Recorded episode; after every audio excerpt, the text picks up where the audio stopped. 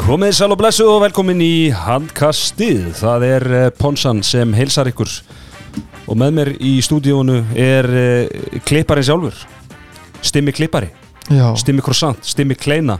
Stimmi klippar í kvöld Stimmi Já. Sá, það er yfirvinna á klipparanum í kvöld. Já, það, það er ekki hár sem voru að klippa? Nei, ég verð að klippa einhver nokkuð símaðutulinn í þáttin í kvöld Já, ég get, ég get sagt ykkur það, kæru hlustendur, að þessi þáttur uh, fyrir sennilega í sögubækunar, það var sennilega í sögu podcasta uh, ekki verið hringdi af mörg uh, símtöl. Mér telst til að þetta er ykkur 8-9 símtöl sem að hérna Já, ég, ég tók Evrópurúndin í kvöld. að búið að taka Európa-rúndin því að við erum að fara að hita upp fyrir alla riðlana í Európu keppninni, Európa-mótinu sem framundan er, fókusin undanfæri náttúrulega verið á íslenska liði en nú ætlum við að skoða öll hinn liðin. Og þannig að þið, kæri hlustendur verðið ykkar aðal sérfræðingar í skólanum, á vinnustöðunum og getið slegið um ykkur um ýmsum fráleik.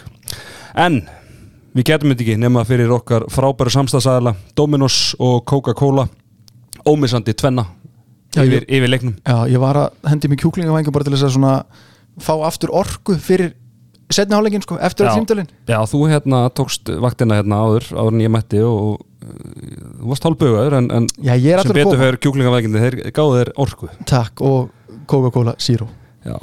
Bílamöstuðin Krókálsi 7 þeir eru byrjar að hita upp fyrir munn hér og þegar ég saði þeim frá viðspáni þá hlóðu þeir bara. Þeir eru bara þetta er ekkit vesen. Meirum hana síðar. Meirum hana síðar. Meirum þess að viðspár síðar. Það verður kallt í munn hér. Og svo sjálfsögðu Ólís vinnur á vellinu, vinnur veginn, vinnur handkassins. Vinnur hópur Ólís stimmi 1 janúar tilbúð Já, bara kaffi á 65 kall. Ég, ég fer ekki dag, það er enda kaffi og kanir lengi núna sko. Byrju, byrju, byrju, byrju stoppum aðeins núna. Mm af því ég var ekki inn í síðastæti -hmm. Er þetta að segja mér að þið framlengdu kaffitilbúðið? Kaffitilbúið bara held ég að sé komið til að vera sko Vá. En ég fekk reyndar sneið í innhólu mitt um daginn. Ég setti, ég, ég reyna að vera áhrifavaldur. Þannig ég setti inn fyrsti kaffibólli ásins og var bara í, með fína Royal Copenhagen stælið mitt og eitthvað svona, það var að vera fancy. Já. ekki frá hennum diggum hlustanda. Svektur hann hafði ekki verið á Ólís fyrsti bólli ásins og þegar ég fekk þessi skilabóð bruna ég út og tók bólla tvö á Ólís Já, vel gert. Ansi vel gert. Heyrðu stimmi, ég held að uh, Þetta er það þétt dasgrá framundan að ég held við að vin- ættum bara að vinda okkur í þetta. Já, og við ætlum að rýna í alla reilina og það gerum við að sjálfsögju búði rýni endur skoðunar, Baker Chili Baker Chili og við ætlum að byrja á Arilinum sem spilaði verður í Dusseldorf og Berlín og sáriðil er í búði fitnessport Heldur betur Fitnessport uh, janúar uh, er stórmannað fyrir Svavar og félagi Fitnessport uh, Celtec kreatinið uh, fyrir þá sem vilja styrkjast og massast og svo gott hardcore sem er kongurinn í brennslóðunum fyrir þá sem að vilja leta sig kannski fóra aðeins og gist um jólin. Og ég veit að við tveir uh, föllum í þann flokk. Já, hvernig ætlar að taka mig með þér í fitnessport? Herri, ég bara, við þurfum að fara með þetta ándjóks Ég væri til að fá þig og Svavar bara til að segja mér hvað ég þetta að gera. Já, ég get sagt þér það uh, ofta þörfið nú á nöðsin því að þessi jól fóru illa með uh, ponsuna, það verður ekki annars sagt. En uh, fyrsta liðið sem við ætlum að fjallum er Frakland Já, frakkanir, hérna helvitis Frakland Le Francais Le Français. Herðu, já, ég ætla bara svona rétt að- að að hlaupi fyrir þetta hundafæði Þeim er samkvæmt veðböngum spáð öðru til þriðasæti á þessu móti og Já, svona ásamt kannski svíjónum þetta er svona já. misjamt á milli veðbanka hvort er svíjarnir er frakkandi sér öðru eða þriða Já, bara spurning hvor þeirra vinnur þeirra innbyrðis, svona við reiknum með að þau kannski mætist í und undanúslutum og henni að þau svona deila þessu. Og það er ekkert ástæðu lausu þegar maður lítur yfir bara síðustu stórmót hjá liðanum skilur þeir eru búin að vera í topp fjögur ef undanskilið 20-20 mótið sem endi í 14. seti sem var náttúrulega pínu skrýpamót það eru bara búin að vera í topp fjögur á öllum mótum bara síðan líku við 2010 með ólimpíuleikum og öllu þannig að hérna við náttúrulega er, erum búin að lenda helviti oft í, í frönsku vilinni og þekkjum óþólandi vel og svona kannski þú veist það sem ég greip inn í svona þú veist líkilmenni franska landsleisins eru kunnulega andlit, það eru Díka Mem Ludovík Fabrikas og Kante Mehe. Kente Mehe og veist, þetta lið þegar maður skoðar hópið þeirra menna, þetta er bara Vesprem, Barcelona, Montpellier PSG, þú veist, það er valið maður í hverju rúmi. Fyrir utan kannski að þeir munu sakna Vincent Girard Markmanns sem er frávegna meðsla og það er svona uh, farið að síga og setna endan í honum en það eru til Markmann í kipum hann Já, já, það er, verður ekki annars sagt og, og, já, frakkarnir er alltaf er alltaf upp þér sko veist, þetta er kannski ekki alveg sama fors og kannski við erum vanir hérna kannski síðustu, þú veist, Danir er svolítið tekið yfir sem svona Mhm. besta, besta hérna eh, þjóð í heiminum, en, en svona frakkarnir svolítið áttu þennan, áttu það svolítið áður og voru svona mjög reglulega að vinna þetta en hafa verið svona undarfærið, svona annað þriðja besta liðið og það er svo sem ekkert mikið meira um frakkan að segja, ég held að svona hinn almenna handbólta áhumaður þekki, þekki þá vel eh, en þá ætlum við að fara til Þýskalands og þar fengum við liðsinni já, alvöru gæja, getur við sagt Já. sem hefur eh, verið að þjálfa þarna lengi Já, búin að vera út í 17 ár já, Þannig að hérna, við slóum að þráðan til Aðarsteins Eyjálssonar og heyrum hvað hann hafði að segja um þýskaliðið. Já, á línunni er Aðarstein Eyjálsson þjálfari myndin í Þýskalandi og við ætlum að fá hann aðeins til þess að fara yfir Þýska landsliðið fyrir okkur. Alli, hvað segir gott? Var þess að gottur? Ekki, hvernig er, hvernig er stemningin í Þýskalandi fyrir, fyrir mótinu? Hún er náttúrulega gríðaleg, þetta er mikil eftirvænting, náttúrulega svona mekka, mekka handbóltans og svona yfirleitt er mót sem eru best uh, kynnt og, og best mæ- mætt á í gegnum tíðina. Og hvernig, þú veist, ef þú svona reynir að lesa hans í bara kannski þýsku þjóðina, hvernig, veist, hvaða væntingar eru þeir með til rauninu þessa móts og sínsliðs og alla? Gísla? Þjó, þjóðverinn er sko í, í, í grunninn alltaf frekar hérna, pessimismur, það er ekki, það er ekki svona flug eins og við hérna heima, en hérna, ég sá þetta yfirleitt frekar raunsætt, en, en auðvitað eru væntingar til, til, til liðsins, sérstaklega á heimaðalli og þeir hafa nú yfirleitt staðið mjög vel á, á heimaðalli í síðast 2007 og hvað voru við það 2019 sem við voru sem stóðist þetta ekki væntingar undir brókop á sem tíma þannig að hérna þeir, þeir eh, eru samt sem áður að gangi gegnum kynnslóðaskipti, tekkulegar og vinsek og svona fleiri stærri nöfn að þetta út og mikið ungu leikmennum. Eh, kom náttúrulega svolítið óvart með, með, malinu, eh, bæði af, af svona af því að hann vildi breyta en líka výtlurinn auðsinn og margir leikmenn sem gáði ekki kost á sig sem, hefur verið einstæmi. Upp á síkvætti, er margir góða leikmenn ekki tilbúinir og svo sömulegis margir, margir góða leikmenn að hérna, það, það er verið mikla breytingar hjá, hjá fyrsta liðinu fyrir þetta mót og, og mjög, mjög, mjög unglið sem ættilegs. Er einhverjar áhyggjur fyrir mót? Nú, nú töluðum við hérna, sérfræðingi á EOF TV í síðustu viku þar sem hann hafði pínu áhyggjur af Þýskalandsliðinu fannst þeim vera svona hálf skittuleysir og saði náttúrulega styrklegan að það væri náttúrulega Júri Knorra á miðunni á samt markverðunum Þú veist, eru eitthvað svona, veist, er eitthvað áhyggjumerki sem þú greinir svona kannski fyrir þetta mót? Sko, þjóðurinnir eru náttúrulega með Andi Wolf og David bara með tvo, tvo fína markmenn og hérna, það er svona verið líkillin náttúrulega hjá þeim með frábæra hotnamenn í, í, í, í, og hæra hotninum. Uh, Júrik Nóri var miðunni en hann náttúrulega kannski verið ekki sínt þetta á þessu sviði, hann getur leitt tískalið, uh, það verið nýtt hlutverk fyrir hann en hérna en, en er náttúrulega búin að breytast kannski líka, er ekki eins mikil uh, það er ekki eins mikil uh, þörf á einhverjum uh, skiptum eða svona gammalda stórskiptum þannig að hérna, leikurinn og þess að vera meiri svona tækni og einstaklis svona geta að maður og mann vinna sem vera mikilværi og þeir hafa leikmenn í það með, með, með hvað sem er Júri eða og hérna líka Július Köster sem er, sem er ekki að spila frábátt móti og hjá Gauja í, í Gúmusbakk þannig að það verður mjög áverð að sjá hvernig hann kemur inn og, og svo eru við bæðið með Weber og Hefner og hérna svo ungu leikmaður Níls Líktlæn sem að hérna var svona þeirra aðal, leikmaður í utviktu einsjónslandsliðinu þannig að hérna þeir hafa fullt af áhugaveru leikmannum og geta ef, að, þeir ná að spila alveg varnaleik og það er kannski helsta, helsta spurningum ekki með, með, Justus Fischer hérna, sem er búin að gera gott mútið Hannover og, og og Köster og sumulegist þá með, með Golla og hérna svona línumennar sem eru með hvort þið ná að spila þá margmennleik sem er þurfa til, til að fara langt á svona móti. Já, nú ertu nú búin að nefna svona 90% á hópnum en svona ef þetta taka kannski eitt leikmann út svona til þess að fylgjast með fyrir okkur hérna heima, væri það þá mögulega kannski líklenn eins og múast að hérna nefna á hann? Sko, spurning hvað hann fann mikið hlutverk uh, strax en hann búin að vera að spila vel og gera vel með, með hérna tóksipalín bæði í uh, svona EF-keppninni og í bildinni heima og hérna ég, ég spáði þetta geta orðið svona mót svona kynnslóðskiptana hjá, hjá, hjá þjóðurunum sem að hérna, eins og segi uh, Köster hjá, hjá Gúmersbakk og Knorr og svo spurning hvort að líklega hann fái þessa, þetta hlutverk sem að hérna hann farði en hann er búin að að spila líka rosa mikið miðjunni hann að hérna þá er svona spurning hvaða hlutur kann fær, maður sé það núna í leikjunum sem verða, það eru núna í kvöld og sem betur hvernig alls ætlar að, ætlar að stilla þessu upp en, en, en þetta er ekki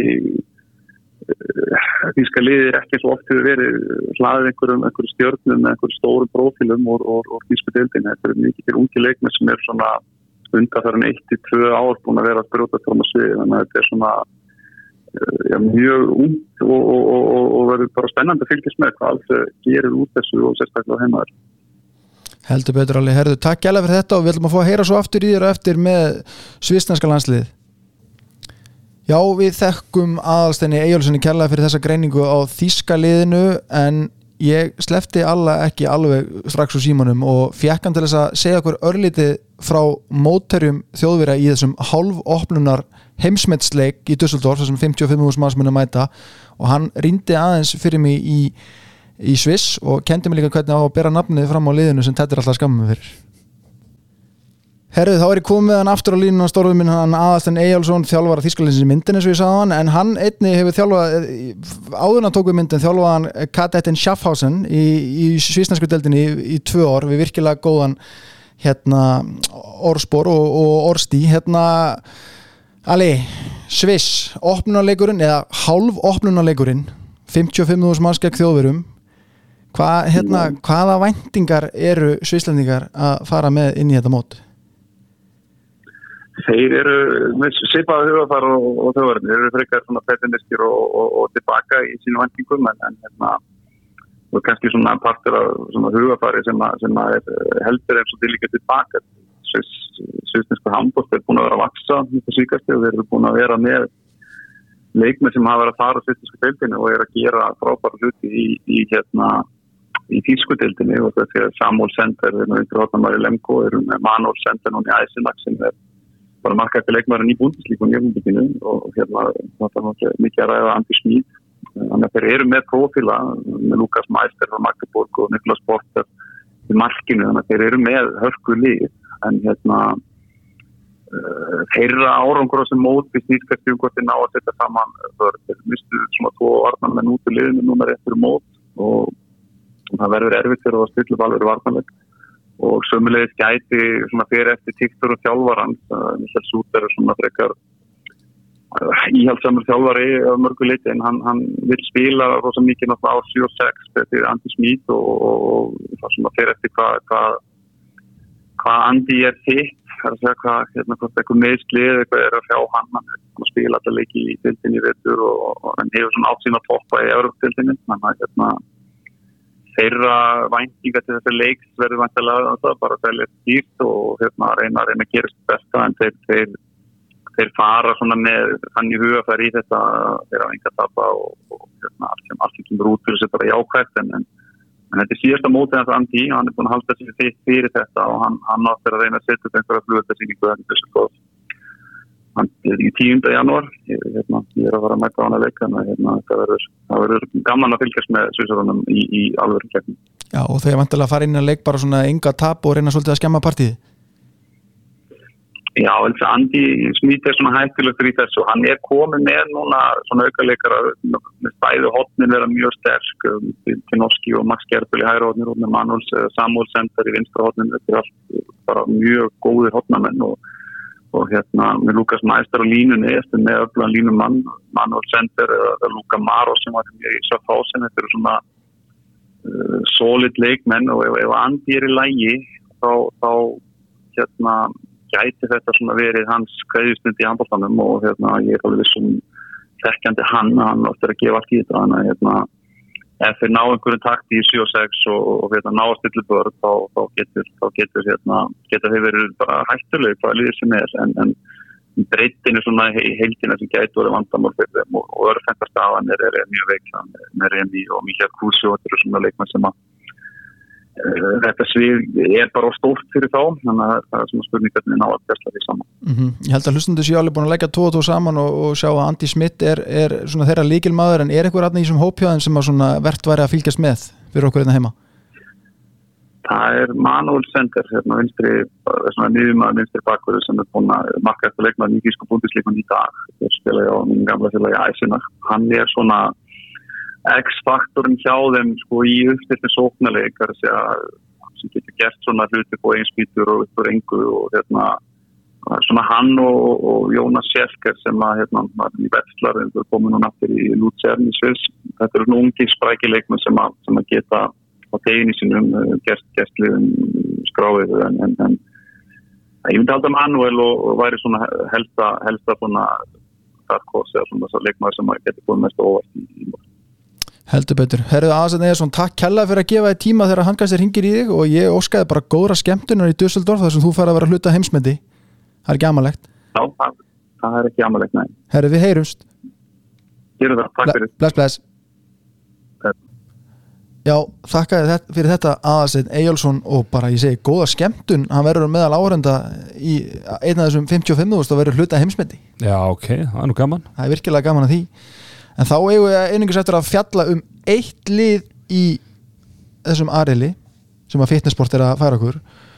Og það eru Norður Makedóniumenn og ég fekk hann Filip Antonov aðeins til að segja mig betur frá því hvað er að gerast hjá þeim og þeim breytingum sem eru í gangi hjá Kiri Lazarov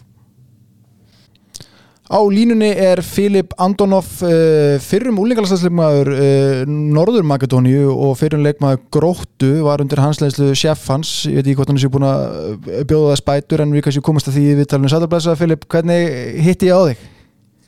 Sæltir mér blæsaður, hefur bara frábælega og hérna, bara takk fyrir að fá mig. Ég er hérna, já, tíma árs, svona mest spennandi tíma árs fyrir aðbóta fyrir mig, þannig að ég er bara gríðilega hérna spenntur að hérna, já, að fá að horfa bara og fylgjast með. Þú ert ekki einn um það, hérna hvernig, þú veist, ef við förum aðeins í bara, þú veist, væntingar Norður Makedóna, bara, bara þjóðarinn sem heldsinni, menna, þú veist, í blöðum og svo leiðis, hvernig eru væntingarnar fyrir þetta mót?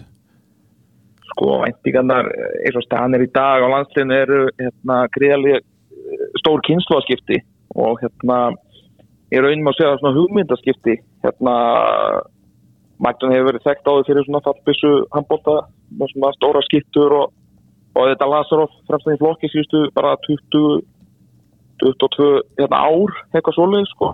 Og hérna þannig að svona verið að uh, já, taka tak, nýju tímar að taka við og leikmenni svo Lazaroff, Stoilov, Manaskov allir farnir og, og hérna hefur að breyta í svona nútíma hraðan uh, evrópskan handbólta uh, Lazar að vera með tekinn við landsliðinu og hérna minnir, þessi handbólti minnir gríðarlega mikið á svona snorrasteinsbólta, gríðarlega mikið lagt upp úr uh, uh, setni bilgju uh, hraðaflöpum og hraðri miðju. Það er svona já, svona aðal plani það sem að liðið er ekki, ekki mjög stærst, þetta er skipað mjög ungum leikmannum margi fætti 2000 2000 og setna sko alveg 2003 þannig að það er svona, já, það er svona mikið kynslaskipt í gangi og liðið ekki einn stærst og hefur verið kannski undarfærin, já, undarfærin ár, segja. Nei, ég mitt tek eftir þegar ég renni yfir hópin þá sé ég að leikjæðasti leikmaður liðsins er bara með 70 leiki, það er greinlega mikið lendinjún í hópin og margir bara með bara 1, 2, 3, 4 leiki af þessum, af þessum drengjum. Já, klálega og það má þakka Lazarov bara fyrir frábær störf, fyrir hann hérna stopnaði sitt lið á svona fórsetta sambandsins í mæktunni og gerðu vel og koma úvar tóku, hérna, tóku annarsæti í dildinni og, og hérna, fóru í Evropadildina með, með því öðru sæti. Þannig að það var alveg að taka honu fyrir þeir fengur dýrmættir reynslu í, í, í vetur, spilu í Evropadildinni og að landsli er auðvitað helmingurinn að meira skipa alkalói til liðinu hans. Þannig að já, það má taka hann í rauninu mikið fyrir, fyrir gríðilega mikla vinnu þótt að ég veit að margir verða ósamála með því í mæktum hefur heyrað þetta. Það, það var nú gaman að sjá kannski hvort að Róbert Geir og Arnardæði myndu kannski stopna saman lið en við, kannski, við hérna, sjáum til hvernig það kemur. Hérna, líkil með liðsis, þú veist af þessu órenda liði, hver, svona, svona, svona, hverja telu þú að þurfa að eiga virkilega gott mót til þess að Norður Magadóni er bara raunur eigi séns? Já, einmitt, Magdóni er í þessum mjög þægilega og, og hérna, ekki erfiða riðli eða þannig, það er hérna, heimamenn þjóðverjar frakkar og sviss bara því líkur reyð sko. En, en ef það hafa okkar gerast þá eiga menn eins og Filip Kuzmanovski sem er uh, leikmar Belister og áður vetstar í Ískalandi hann þarf að eiga frábær, hérna, frábært mót bara bæði í vörn og sókt, hann er miðjumæður á upplægi uh, í sókninni en hann getur farið vinstra megin og hægra megin bara uh, eftir eins og, eins, og, eins og þarf í rauninni.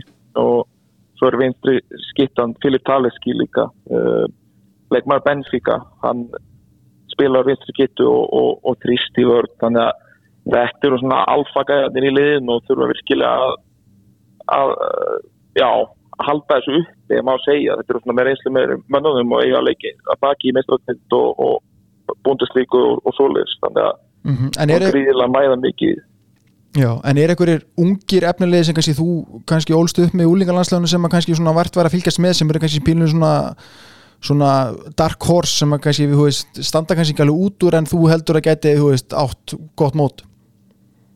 Klálega, klálega, það er miðjumæður sem er annar þriðji miðjumæður og hefur spilað frábæla í Európa-tillinu með Alcalói uh, heitir Marko Mitev.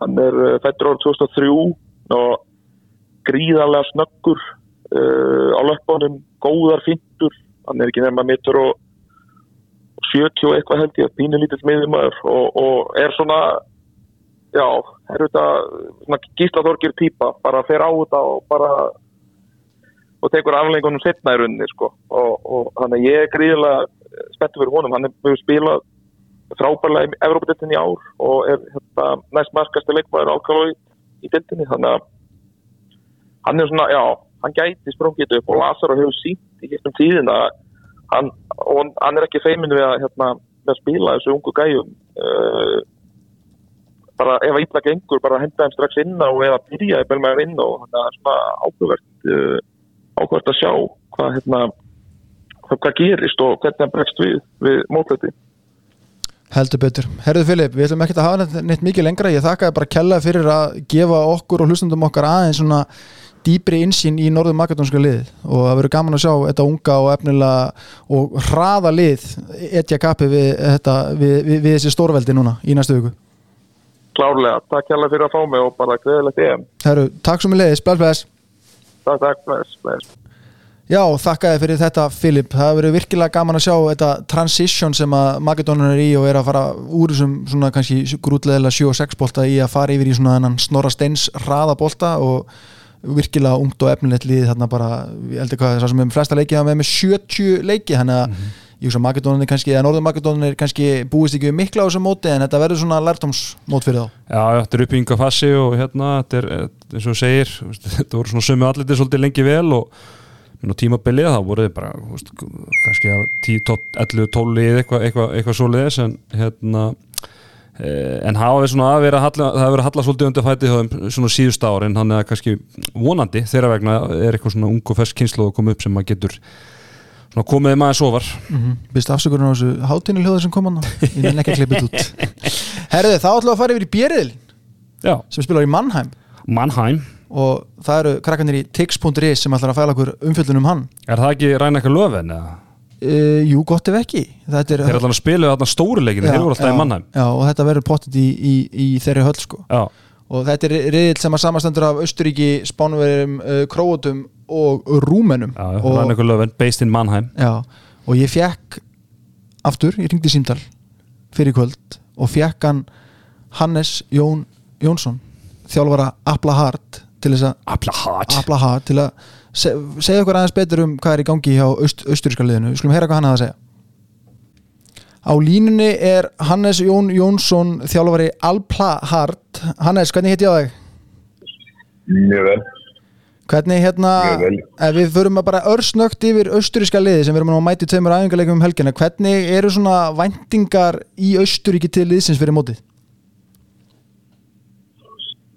Ég held að þetta væntingarnir sem kannski neitt rosalega mikla sko. Þegar við myndum fyrst og fremst bara glaðið með að komast á móti en, en, en held ég bara svona eins og flest allir sko. Þú veist það er alltaf eitthvað svona já það varum gott að komast í millir og eitthvað svona. En, en ég held að ég held að sé ekkert sko veist það er ekki svona væntingar skilur við eitthvað maður finnur ekkert, ekkert massíðar fyrir því sko. Nei, þeir eru í erfiðum riðli og, og, og hérna veist, þeir eru sagt stefna á að vinna að vinna Rúmeníu og, og, og, og grísa svo á að getur mútið Krótíu það hugsa alveg spáni sem að gerist vantilega aldrei nei Er eitthvað áhyggjur sem að liðið með svona fyrir, að, aðdraðanda sem mót sem að við kannski vitum ekki að veitna heima, er eitthvað meðslið eða annað slíkt? Nei, ég held að sé nú flestir, flestir hérna heilir svona, sko. Þú veit að sem er með bara, bara þessi það, en þetta, þeir eru með, þeir eru með góða svona fyrstu sjö, sko, sjö, átta kannski, alltaf læg, sko. En þetta er svona frekar, frekar stutt og þeir eru, þeir verður örgulega mjög mjög vandræðan með styrklu almennilega voru. Þeir eru með hérna Bílik frá Kíl og Hútitsjek frá Lemko sem að munur, þú veist, þurfa að bera upp í sóknarleikin hjá þeim og eiginlega kórur þeirra eða svona eitthvað, kannski endilega eitthvað massíður stristar, sko, eða, þú veist, til að spila tristu fjarka í miðblokkinu og, bara eftir eiginlega, já, þetta, þetta finnst bara, þetta varnarlega verður í, þetta er orðið brasi, sko. Já, þú veist, ég kemur inn og hann Bílik er svona kannski svona þeirra besti leikmar í dag kannski á, ásand Róberti Weber sem er reyndur orðin 38 ára gamall þannig að þetta verður sannlega hans síðasta stormót er eitthvað Já, svona ég ætla að vona það, bara hans vegna sko. Hann er, hann er einna, ekki búin að kom til Austuríkis í vetur og byrjaði að spila eitthvað í september og þetta eftir þrjáru vikur þá var hann búin að sagða undan hjálfarinn sínum og þetta var að spilandi hjálfari að síðan og þeir hefði ekki búin að vinna punkt síðan hann kom sko og hann er ekki búin að geta neitt sko. Nei, Ég finnst þess að Belik og Hútitjek eru almennin í þessu lið og Hútitjek hefur eiginlega verið betri með landsliðinu, þú veist, eitt og ár, sko, heldur en Belik, sko. Þannig að það því svona að þeir gaurar verða að vera verða að vera onn, sko, ef að liði á, veist, bara að vinna Rúmeníu, segi ég, sko. já Er eitthvað aðrir svona leikmenn sem verður að fylgjast með kannski fyrir utan þess að við erum búin að nefna svona sem við getum fyrir að fylgjast með þegar við horfum á leikina núna á lögata á mándag svona sem að gætu kannski sprungið út Já, það er Frimmel í hotninu, Sebastian Frimmel, hjá Pixeltek og, og var hjá Schaffhausen, var hjá mér í Vestín, hann er, það er frábær leikmað. Það er þólið vinstri hotnamaður og, og hérna, flinkur, góður bara. Og svo er í marskinu hjá þeim ungu stráku sem er hjá mér í Alpala sem að heitir Konstantín Mörslu. Hann er jú, 2000 og, ekki 2000 árgangur, 99-2000 maður hann er ógæslega öllur, hann var frábær í allan veitur og, og, og hann er búin að vera svo frábær ég held ég sé að missa hann núna næstu fimmar en, en það er klálega gauð sem að sem að svona er verðt að fylgjast með þá þeim sko. Já, það er ekki, það er ekki mikið meira eitthvað sem ég myndi segja eitthvað ef áfylgjast með þessum sko. það sem er skrítið þeir skilja eftir þarna miðjumann sem að er að spila spila hérna veist, uh, í miðblokkinu í vörðinu hjá Pótsdal í síska annardildinu hann var, handbóttalegnar áttins í fyrra og er 22-30 ára og skildu hann eftir fyrir, fyrir hérna sterkversta strák sem var að fá ríkisborgar rétt núna bara meðan desember. Mér finnst það mjög skrítið. Já Heldur betur. Herðu, þá ættum við ekki að hafa þetta mikið lengra Hannes, ég þakkaði bara kjærlega fyrir að, að hérna, gefa þið tíma til að fara yfir austuríska landslið fyrir land og þjóð. Já, virkilega áhugavert viðtal við hann Hannes Jón og hann hefur nú ekkert gífulega mikla trú á, á austuríkismönnum í þessu móti og heldur þetta getur verið virkilega erfitt fyrir þá. Já, það er alveg svona sama eins og með Magadona hérna, uh, þeir svona náðu að góðu rönni veist, upp úr 2010 þegar ég þetta, veist, þegar hérna þú veist, Dagur var hérna og Patti og svona, en, en hérna svo hefur þetta svona aðeins hérna, það hefur hallægund á fætti og þeir eru svona langt frá þeim hæðum sem er náðu allavega á tímabili. Heldur betur. Herðu, þá ætlum við að vippa okkur yfir í, í, í spánverina sem eru með mér yfirli og hérna veðbankarnir, strákunir í Íslandi og fleiri, þeir hérna spá spánverunum í, í fjórðasæti Já, það er eiginlega svona uh, anonymous decision eiginlega hjá öllum veðbengum að negla um það, þetta er svona Svíþjóð Frakland annað þriðja og spáverðarnir í fjórða og ég er eiginlega bara svolítið sammála þeirri spá, mér finnst þeir, mér finnst þeir aðeins svona ef maður horfir bara á, á gæðin í, í liðin og þannig, svona aðeins fyrir aftan kannski Frakkan og, og, og hérna Svíjana en eru skur ofar en eins og við og þjóðverðnir svona, finn, finn, finnst manni og þetta er ekkit skemmtilegasta liði í heimi þeir eru óbóðslega pragmatískir og hérna spila þessa frægu spænsku vörd sem að hérna eru frægir, frægir fyrir og hvort þeir hafa ekki verið farnir svolítið í 5-1 líka og síðustu mótum bara með góðum árangri þannig að bara virkilega svona, þetta er seiktlið Já, þú veist, og aldrei sofa spánverðum ég held að mitt svona besta Twitter moment það var heldur 2020 þegar ég sagði að spánverðar myndi vinna mótið þá, maður á aldrei að sofa á þessu liði, þú veist, Já, þeir eru alltaf í, þú veist, þeir eru alltaf og getur eiginlega garantíað, þú veist ok, við erum að spáðum fjórasæti en horfum bara síðustu mót. Þeir sækja alltaf metali, þú veist. Já. síðustu tvö HM, þá er þetta hérna 23 þá er það brons, 21 er það brons. Uh, og síðasta Europamóti sækjaði silfur, uh, verða svo Europameistarar 2020 og 2018 og sækja brons á síðustu olimpíuleikum já, já, og kannski þetta, svona það lið líka sem að hefur, getur hvað best staðið í dönum, menn að Danir eru bara í vandræði með þetta þunga, hæga Mhm. lið eitthvað neginn svona, hann að þú veist, og eins og segið, þú veist, þeir að vera að berja á þeim, hann að Já, og sko, hann er valið maður í hverju rúmi en þú veist, þetta er, veist, þetta er það lið sem að móður minni finnst hvað leðilegast að horfa hún þólar ekki smáverja og það eru bræðinir í sérflokki Alex Dutsubaf og hérna og bróður hans, en þú veist Við ætlum, við ætlum ég, ég held að hann og fíla pappa er aðeins betur en svona í minningunni, já, en, en svona eins og líkilmenn spánverja, svona sem að grípi eitthvað stað niður, þá náttúrulega er það Vargas í markinu Alex Dutsubaf og svo náttúrulega bara Alex Gómez sem er búin að markaðast í leikmaður Final Four bara 15 ári í röðu eða eitthvað. Já, já, frábært vídeo mér á Vargas það er kannski einhver tíman ef við komumst í undanúrslit Ísland, þá ætla ég að byrta það Mér finnst það- það minnum alltaf svo mikið á Ingo Veðug það trubla mig bara ég er að horfa. Mér finnst það-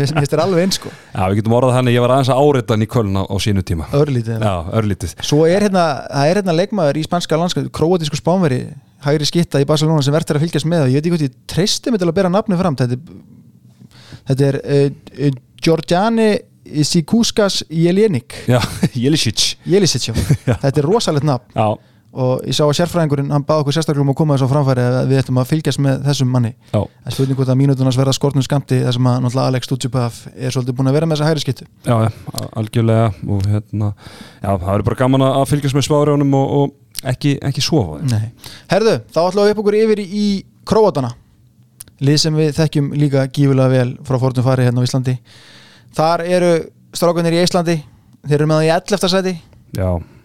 það í 11. sæti Já, það bara, ég held að sé bara nokkuð rétt sko. Með, þú veist, þetta er lið sem við munum lendi í millirili með þegar við förum upp úr rilinum og við eigum að taka þetta lið, menn að þetta lið er bara svona ég, ég, ég, mér finnst alltaf sem Króatía þú veist, mér, mér, líður, mér líður alltaf ógeðslega illa þegar við þeir, þeir ég, hef alltaf trúið þeim sko. já, já, og líka bara þessi handbólti sem þeir spila, hann bara hendur okkur ekki. Já, þetta er svona pínu unorthodox handbólti þú veist, sko Duvnjak 35 ára Er um leiðilegan og hægan leikmann sko. og ég minna Luka Sendrits þú veist, fyrir nokkrum árum var hvað við segja, fyrir fjórum árum kannski þá bara, hann var á tímabili besti handbóltumar í heimi. Hann var bara að spila það vel á tímabili. Hann var svona geggjaður. Og útrúlega gaman hérna, ég var um þetta Final Four hérna 2019 þar sem hann og, og Aron voru saman.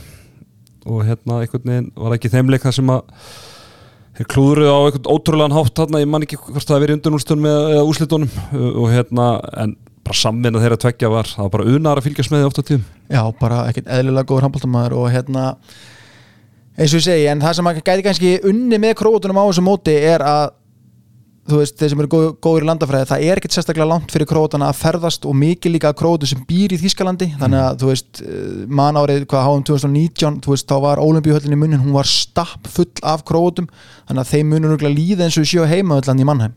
Já, já, og það mun alveg, alveg klálega hjálpa þeim og, og þeir hafa sett svona líf á, hérna, á þessu mót í gegnum tíða króðandir, þú veist, þeir eru svona mjög hérna, svona uníki útluti með hérna, hérna köp, eða þú veist, hérna, eins og, með- bo- eins og bordúkur hérna, raut, og hvitt og, og áttu vinsalasta stuðnismann að hafa mig í Dubai hérna árið 2000 og eitthvað. Já, hún var reynda, það var gaman að það var gaman að hún myndi mæta þarna í, í stúkuna, Já. sko en svona kannski svona leikmaður sem er kannski svona verðt til þess að fylgjast með fyrir fólki heim í stofu er eh, Dominik Kuzmanovic sem er talin einn efnilegasti markaður í Evrópu, fættu 2002 hann er hérna þetta er svona up and coming eh, hérna, leikmaður hjá Króutum sem verður virkilega gaman að fylgjast með. Hvað aftur þarna frendi? Sola. Sola, rauðherri hann er að þjálfa liða á þessum móti. Nú, Já, ég skal finna út í, eftir og segja ykkur frá það hann er þjálfari á þessum móti. Ég, Já, ok. ég, ég hjón niður í það í undirbúningi mínum fyrir þetta mót og svona pínu ég svona skellti upp úr Já. en ég skal, ég, skal, ég skal finna það eftir og koma með það aðeins síðar í þettunum Mm. meirum það síðar Herðu, þá er að raun og veru síðasta liðið sem reyli eru rúmenar þú veist, voða erfitt talandum, talandum hérna, gamla sofandi risa Já og hann er held ég bara, þú veist hann er svona svo dóttið minn á mótnana það er mjög erfitt að vekja hennan sko Já, það, já. veist, þetta, verður, verður erfið vakning þetta er svona eftir jólafríði, fyrstu dagur í skólanum sko. Já, þetta er bara ég, maður þekkir ekki eitt nafn það er bara, það er bara þannig. Þetta er að spila allir í, í, í heimalandinu. Það er eitt hérna í, í Portugal og einn á, á Spáni. Já, það en er þetta Dínama Bukaresti er nú samt ágæti slið sko, þú veist, svona þannig. Þú veist, þeir já. hafa verið í Európa-keppnunum og, og svona sko, þannig að þetta er engin, eh, þetta er engin algjöra sultur sko, en, en svona já, þetta verður þeir verða í brasi held í, í þessu rili sko. Já, og kannski svona helsti leikmaður sem að, þú veist, maður gæti, veist, það er Demis Grigora sem spila með Benfica og er, samland, eh, er félagi Steven Topa Valencia en annars Mm. er þetta bara allt leikmenn sem spila í, í hei- heimalandinu og við gætum setið hérna og reynda að ruggla í eitthvað í eitthvað hlustundur en við ætlum ekki eins og þykjast, sko, þetta er bara lið sem við rennum pínu í blindi sjóum með ykkur og þurfum bara svolítið aðeins að hérna fá að sjá það, þeir hafa ekki tekið þátt síðan 96 á EM. Já, þannig að þú veist þegar ólimpileikarnir í Atlanta voru sko þannig að, þannig að, að við þurfum vel að bara sjá hvernig, og hvernig þetta fer 2011 og síðasta stormutjöfum á Já. hérna HM heldur betur. Herðu, þá ætlum við nú að fara í riðil sem kannski eh, liggur okkur svolítið næri mm. og, og það eru strákanir í Good Good sem ætla að færa okkur það og ég er búin að vera að kjamsa hérna á Crunchy Keto barinu hérna eftir, ég- eftir að ég fekk vangina þá hendi ég einu í mig hérna á milli þar sem ég var að klippa símtal inn í. Þannig að þetta er, þetta er rosalega gott. Þú ert fyrir Salty Caramel. Ég er meira þar sko, þú veist, ég Brúna og ég er meiri Coconut. Já, þú ert bounty kall Já, Já, ég er mikið fyrir karmeluna sko. kókos eitthvað mm, geggja. En þú veist, þú, ég man að þú kendi mér að við back in the day sem maður ætti ekki að borða mikið af carbs eftir kvöldmatt en þetta er svo lítið af carbs í þessu að Já, ja, þetta, er svona, þetta er nammi sem er leiðult eftir kvöldmatt Það nánast ekkert net carbs. Nei, Fyrir þau sem vilja faraðist um net carbs þá verð ég með fyrirlestur einhvern tíman á næstunni og hann verður auðlistur já, herru, meirum það síðar. Herru, við komum aðeins inn fyrir þettinum á veðrið í, í munn hér Teddy, allar að skella þér í 66 gráður norður áður nú flýgur út eða? uh, Já, ég ætla að fara út í þeirri, í drángjöklunum mínum og ég fer sennilega ekki úr henni því að ég get sagt að hérna, ég er með veðurspána hérna Er, er þetta nýjut? Við farum við veðurspá Já. í podcasti? Það er Tveir miðaldra. Arnataði er ekki að svæðinu. Shit, við erum að, ótrúlega mikið að tala um og við erum komin í eitthvað spjallum veðrið. En allavega þá erum við hérna með sko spáin fyrstu þrjá dagana. Þá er, er að fara svona legsnir í mínus 16 og mínus 16 þarna, það er svona mínus 30 á Íslandi sko, það er með svona meiri raki og er eitthvað þéttara loftið allt og eitthvað. Ég myndi, þannig að ég mynd fara velklættur en það er lítill vindur og það er sól. Þannig að I'll take it já, sko. ég myndi gefa með föðurlandi. Þá getur þú lúka úsla kúl Já, en ert í hlýju góðu undir. Já, ég er ekkert að fara að lúka neitt kúlarna sko, ég er bara overalvið og eitthvað. Tóm, tómur ugli sko, með Já. trallhattinn og, og eitthvað andlismálingu Já. en En hérna 66 sko Norra er ekki einu sem að hérna, færa okkur umfjöllum í íslenska landslið heldur. Það er líka krakkarnir í Vók já, sem eru í síðumúla og á Gleratorki og Akureyri. Já, en ég get sagt ykkur eitt og er ekki að ljúga neinu. Ég fór í síðumúla í dag í búðuna til Valda fekk topp þjónustu og lappaði út með tilbúð í rúm fyrir dóttur mínu og fannst, já, fannstu gott rúm? Já, ég fann gott rúm, nú þarf ég bara að fara aðeins heim og mæla og svo bara mun ég öruglega að ringja morgun og ganga frá kaupum. Ég er að taka hérna tveir sinnum einn. Það er eitthvað glæn í svona breytt sem ég hafði ekki hugmyndum Ok, ég man að ég var alltaf í gamlu 70 cm þannig til ég fekk eitthvað nýtt rúm í fermingagjöf en ég ætla að gefa stelpunni núna, það er 1 metur á breytt já, ég er með dóttur minnir þannig, ég líka. þannig að hérna, Það Ég mæli með því, það er flott he- heldur betur og ég get ekki raun og veru bara uh, tala nú vel um þjónustuna sem ég fekk á Vók í dag. Takk fyrir mig. Herðu er ekki bara, við byrjum á Íslandi. Hópurinn, Já, tökum sko ertu, er svo- ertu, er svo sem- ertu með sko- slökutækið ertu með sko, slökutækið En já, já, við erum svo sem búin að gjammalega nóg um þetta íslenska lið og, og, og munum gera það í næstu þáttum og, og hérna í, í þáttunni fram á móti. Við erum alltaf að fara að mæta Austuríki núna í þessum tveim leikjum um, um helgina á lögadaginn og, og, og mánudag, mánudaginn, það er kannski svona helstu punktarnir sem við getum tekið núna er að, ég ætla kannski að byrja að óska Gísla Þorgeri Kristjásinni til hamingjum með útnefninguna, sem íþróttamæður Orsis vel að því komin bara brjótandi fréttir hérna nánast í beinni útsetningu hjá okkur. Eldgós, íþróttamæður Elgós, ásins já, við erum að brjóta þetta. Veðrið, Þá, já, hann er virkilega vel að því komin og hérna, það verið einhver í öðrum íþróttum sem tuða, tuða við því mögulega en, en veist, hann besti leikmærin í búndislíkunni og þessi framist að hans í hérna á stærsta sviðinu í mestradildinni Bara hann var þvæla, með, sko. með ólíkindum. Já, en hérna hópurinn en hópurinn, já. Svona það var kannski, þú veist, Andri Már og, og, og Þorsteinn hérna, dettu út út úr hérna út úr þessum hóp Já. og, og hérna Þorsteinn Leo og, og Andri Már Rúnarsson og, og hérna eina Þorsteinn og er inni Mhm. sem kannski þetta var þú veist, þegar maður horfði á þetta fyrir fram að kannski Andri Már kemur svona maður hugsaði að það væri svona síðasti maður inni eða kannski svona sem ákveði backup, sjá hvernig svona mennir þarna vinstra minn og miðinni myndu koma, koma inn í þetta og, og þannig að maður svona hugsaði að Val Snorra meðvinna hóp sem hann valdi uppalega 20 manna hóp væri þá Þorsteinn Leo eða einu Þorsteinn allar að vera með auka vopn sóknarlega Mhm. eða allar að vera með auka vopn varnarlega Já, og hann valdi varnarkostin sem að, að mínu viti segir mig það að hann meti það sem svo að þessi menn sem eru búin að vera tæpir aðna séu, bara- bara klárir. Já, já, og mér er bara að heyra það bara í spjalli við sérfræðinga út í heimi sem við talað við um að sóknarleikurinn í Íslandi er ekki vandamálið. Mhm. varnarleikurinn er vandamálið.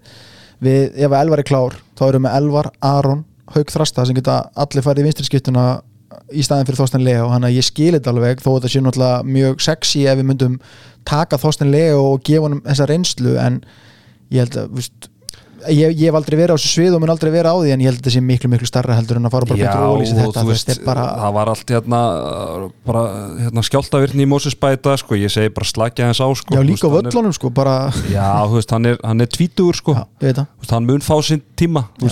Aron sem er hérna bara bara eitt besti leikmaður bara, þetta er bara svona, veist, þetta er bara svona sína- generational já, talent. já, generational talent sko, veist, hann var jafngamall hann var tu- hann var uh, 19-20 ára þegar hann fær sitt, sitt, sitt fyrsta breyk sko, þannig að Þorsteinn Leo er ekki alveg á, á því kaliberi Nei. þó hann, verði helviti góður og, nei, nei. og og hann er líka óöppin fyrir ekki að gripi orðið að að það eru náttúrulega bara ótrúlega margir talentar í þessari stöðu já, já en hann mun fá sitt tækifæri heldur sko. betur og, og, og, og aftur í morgun sá ég umræðan það skilur akkur Orri væri ekki á kostna Mm. Stevens og Steven getur bara að spila vörð Steven getur ekki bara að spila vörð, hann síndi það alveg í Európa-kefni fyrir með vala, hann er hörkuslútari og, og, og hérna, hann ég skil ekki alveg þessu umræðu Já, þetta er, ok, við erum að tala um það sem er svona mesta, mesti styrin hérna, svona, erum er Þorsteinn Leo versus Einar Þorsteinn mm -hmm. uh, Björgum Páll versus Ágústi Eli og Stífun Tópar versus Orri fyrir mér hefði þetta verið, þú veist hvert um sig alveg geta farið á kottveginn sem er. Og maður ekki getur en, sagt en, já, og, og þetta pyrra mig bara núl veist, það er eitthvað, fullt að leið sem ég get pyrraður þessu. Já, og mér, langar að vera eitthvað í podcast og vera ógslag pyrraður ég bara, ég bara er það ekki og þú veist, þetta er náttúrulega svolítið loði við bæjarfélögin og liðin og svona, þetta er svona kannski, þú veist, menn eru að styðja sína menn sko, en þegar maður horfur á þetta bara með hlutlusum augum, þá bara er þetta menninni sem eru búin að, sem eru bestir á þessari stundu og landsliði á bara að vera samansett þannig, við hefum eitt að gefa Já. endilega einhverja sjensa því einhverju búin að gæta orðið góður, þetta er bara við veljum okkar bestu menn. Og ég kýs frekar að líta á þetta bara sem og Gísli og allir eru bara klárir. Já, já, og trúðu mér sko að því við erum að tala um þetta hérna, veist, ég er eitthvað mest Ágúst Elimaður örgulega bara þjóðurinnar sko og bara var ég mjög mikið til að sjá hann aðna en, en veist, Já, hann er bara ekki búin að spila nú í vetur. Já, veist, það, er bara þannig og ég bara skil veist, og hann bara treystir, snorrist snert hérna, treystir bjögga og þetta er ekki vinsaldakostning, þjálfarinn er að velja það lið sem að hann hann treystir best til hann á árangur á þessu móti veist, þetta er ekki svo einfalt að hann er bara velja ykkur að gæja eru í val eða tengdi val skilur þú veist, bara til að hérna, gera ykkur hérna, félögum sínum greiða. Þú veist, ég bara neita að trúi að snorri hugsið þannig þannig að já, en samt bara eins og með Þorstein Leo ég meina ef að svo segjum bara Elvar meðist og Gísli meðist líka Já, þá er hann bara klár. þá, þá Þá er þetta bara einu vél með Æslandir, já, beint út. veist, þá, bara, þá bara mætir hann sko.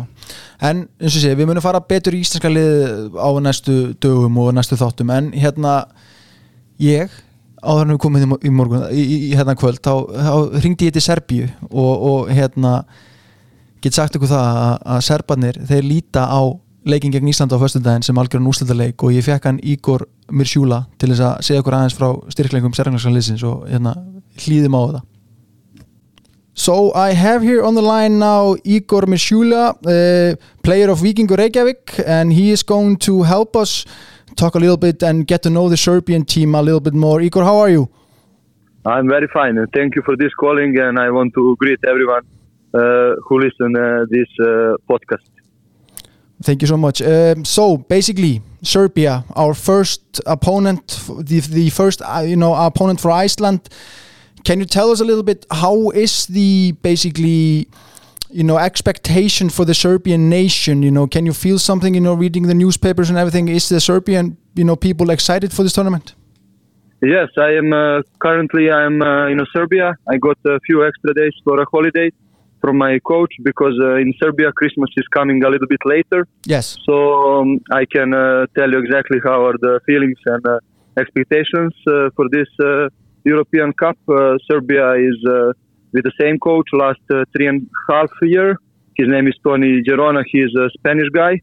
So he collect the same group of players and uh, they are already together for three years. And uh, all of players and uh, the head coach are uh, expecting that this uh, European Cup would be the, the best one so far.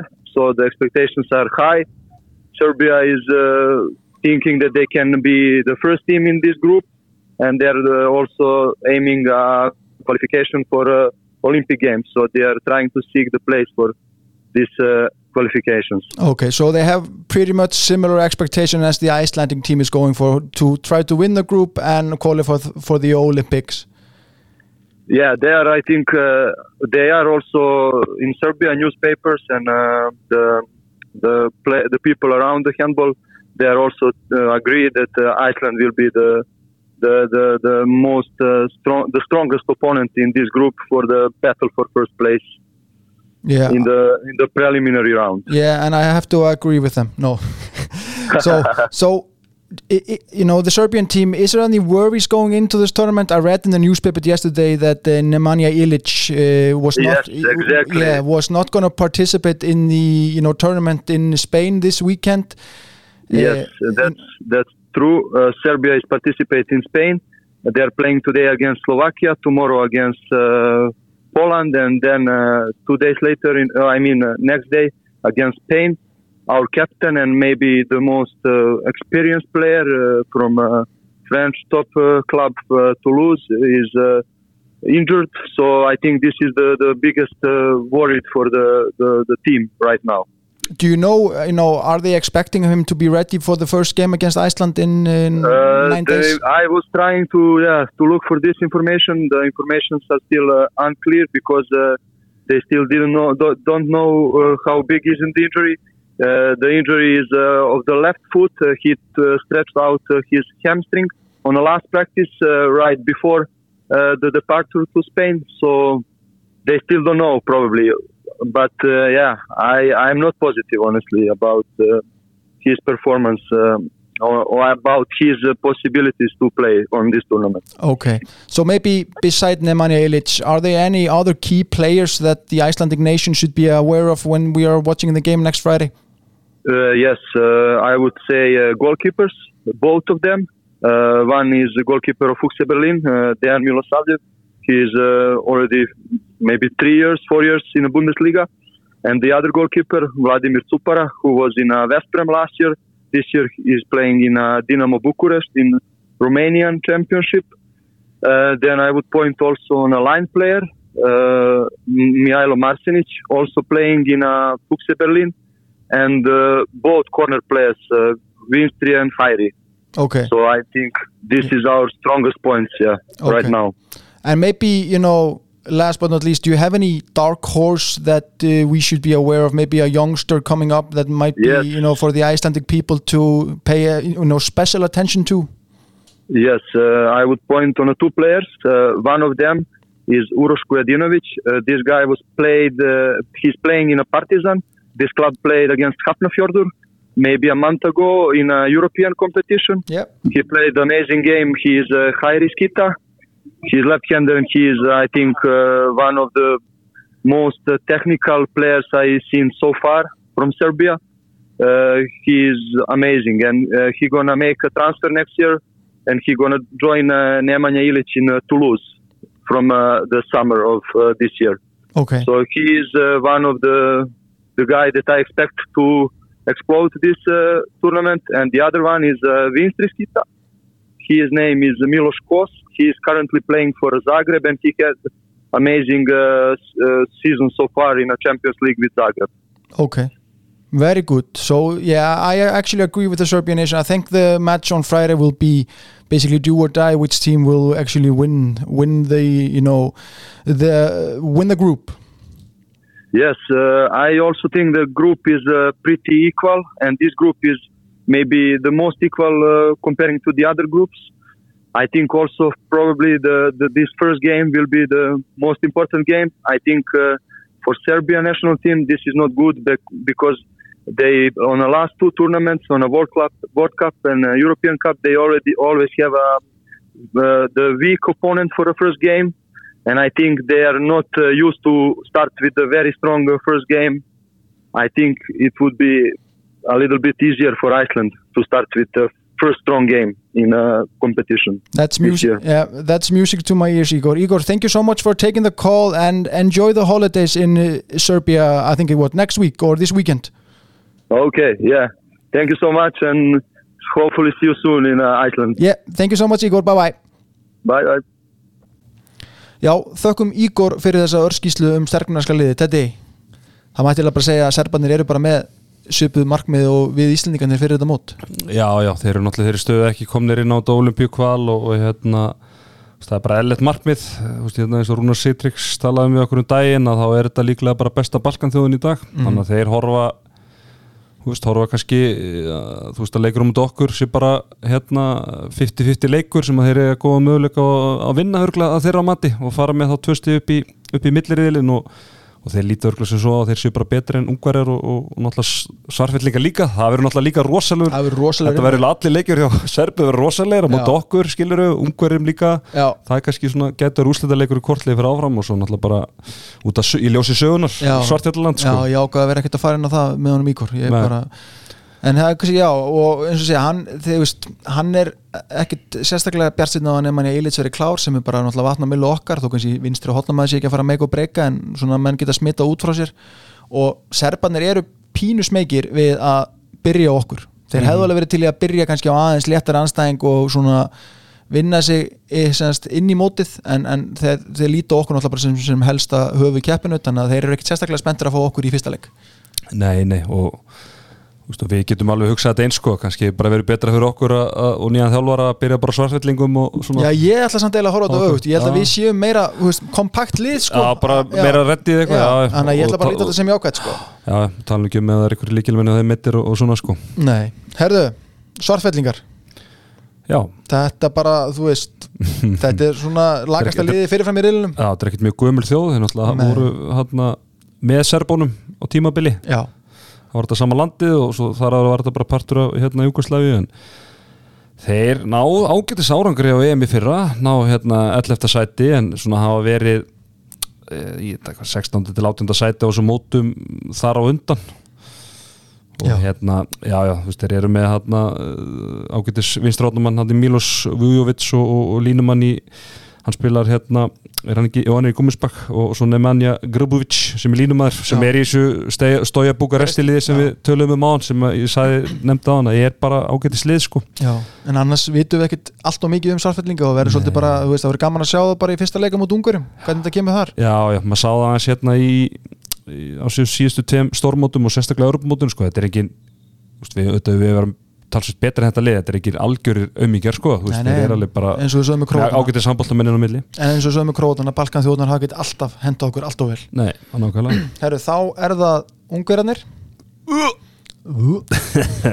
Í búið skolpnus? Nei. Herðu, þeim er spáð áttunda sæti af þeim í Íslandi það finnst mér helviti Já, mér finnst áhugavert. já, mér finnst þetta, ég held að menn séu þarna séu, séu að líta rýna ómikið í tölfræðina þeir verða ætti að lesa statusinu og bjögga og fara aftur yfir þetta og þú veist, ungverjar verða ekki top 10 á þessum móti sko.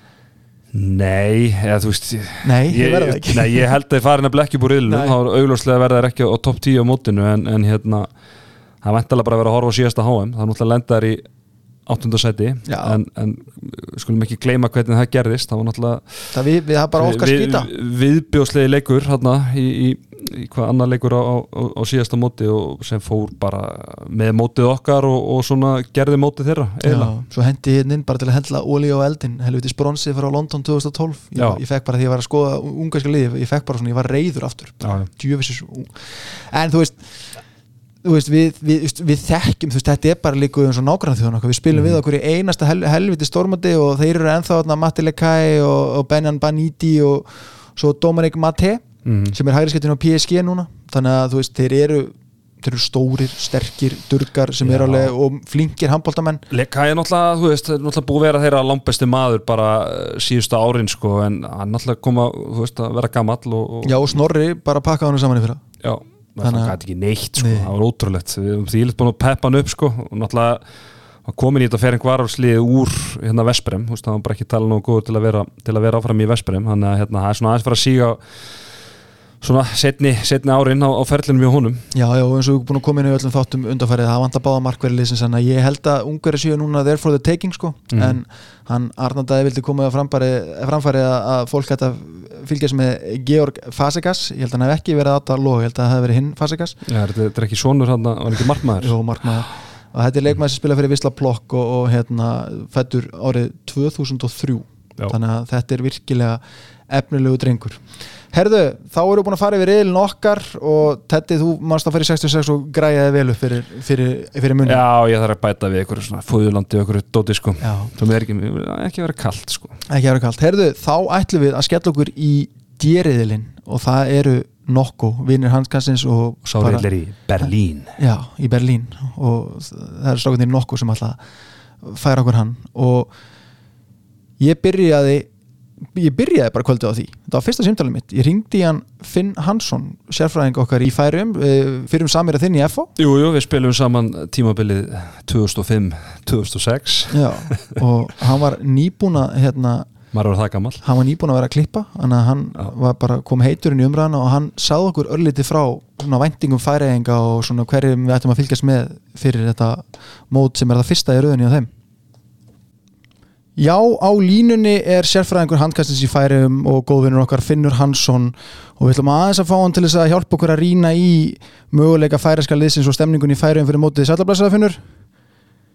Sælur. Herðu, hvað segir mig, hvernig eru væntingarnar í bara þjóðfélaginu fyrir mótið núna fyrsta stórmótið á færum í sögunni?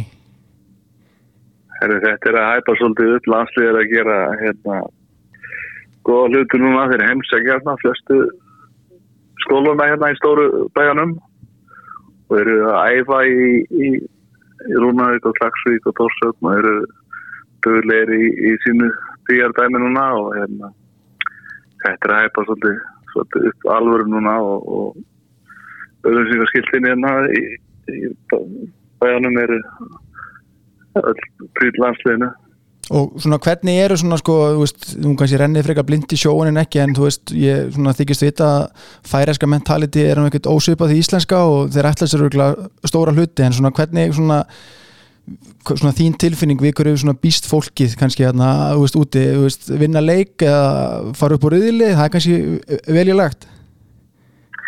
Já, við, sko, við vitum alltaf að, að hérna hvað erum stattir og jú, jú, það er búið að vera ótrúlega árangur í árum drengjum og hérna fólk bara trúir endar að stáða á. Nú erum við komin að stórmót og, og það, það trú allir að hluti geta gert en, en við erum að tala um að ná í stík kannski það var náttúrulega alveg fáranlegt þegar við fara upp úr viðlir sko. Já, algjörlega. Hérna, en okkur ekki að trúa á sko. Já, algjörlega, sammála því. Og svona, þú veist, í aðdraðanda mótsins svona, þá náttúrulega fengum við fregnar því að Óla Mitt, hún væri, hefði eitthvað snúið svo ökla eða eitthvað í síðasta leik með Savihoff. Er eitthvað fréttir af því sem þú veist af fyrir mót? Já, það verðist ekki vera eins slæmt og, og, hérna. E, það er, er búin að vera æfingum. Og svo er æfingarleikir mótið belgum annarkvöld og lögskvöldi þannig að það verður áhagast að sjá hvort hann tækir þátt þar. Já, og er eitthvað aðrar svona sem að við kannski vitum ekki að hérna heima sem að er að plaga liðið eða allir aðri klárir? Allir hinnir eru tilbúinir þeir sem eru í, í fyrstu 8-9 og drengu Já, og hverjir eru það svona, verður bara hvað segir Nei, kallt þú áfram fyrir ekki en það var hérna það er náttúrulega Elías Skipagötu og Hákon Vestategjum sem eru svona almennir í þessu liði náttúrulega að spila með Kíl og, og Fúsi Berlin Já, þannig að þetta eru svona, svona þeir þrýr sem að mun mæða hvað mest á hann úti núna? Já, þeir eru búin að sína uh, mest á, á stóra sviðinu og hérna fólk bara býst við mestu af þeim. Ja, það er leikminni annað sem að geta alveg dottið óvænt inn og hérna en það, það kemur að standa falla með þessum í sótæðisum.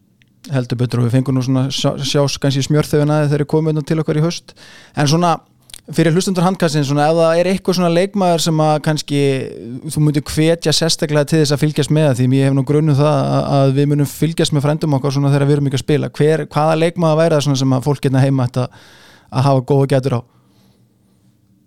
Já, það er náttúrulega sá hvernig Elias er á. Þeir sem eru að fylgjast með ábanda vita kannski svolítið hver hann er.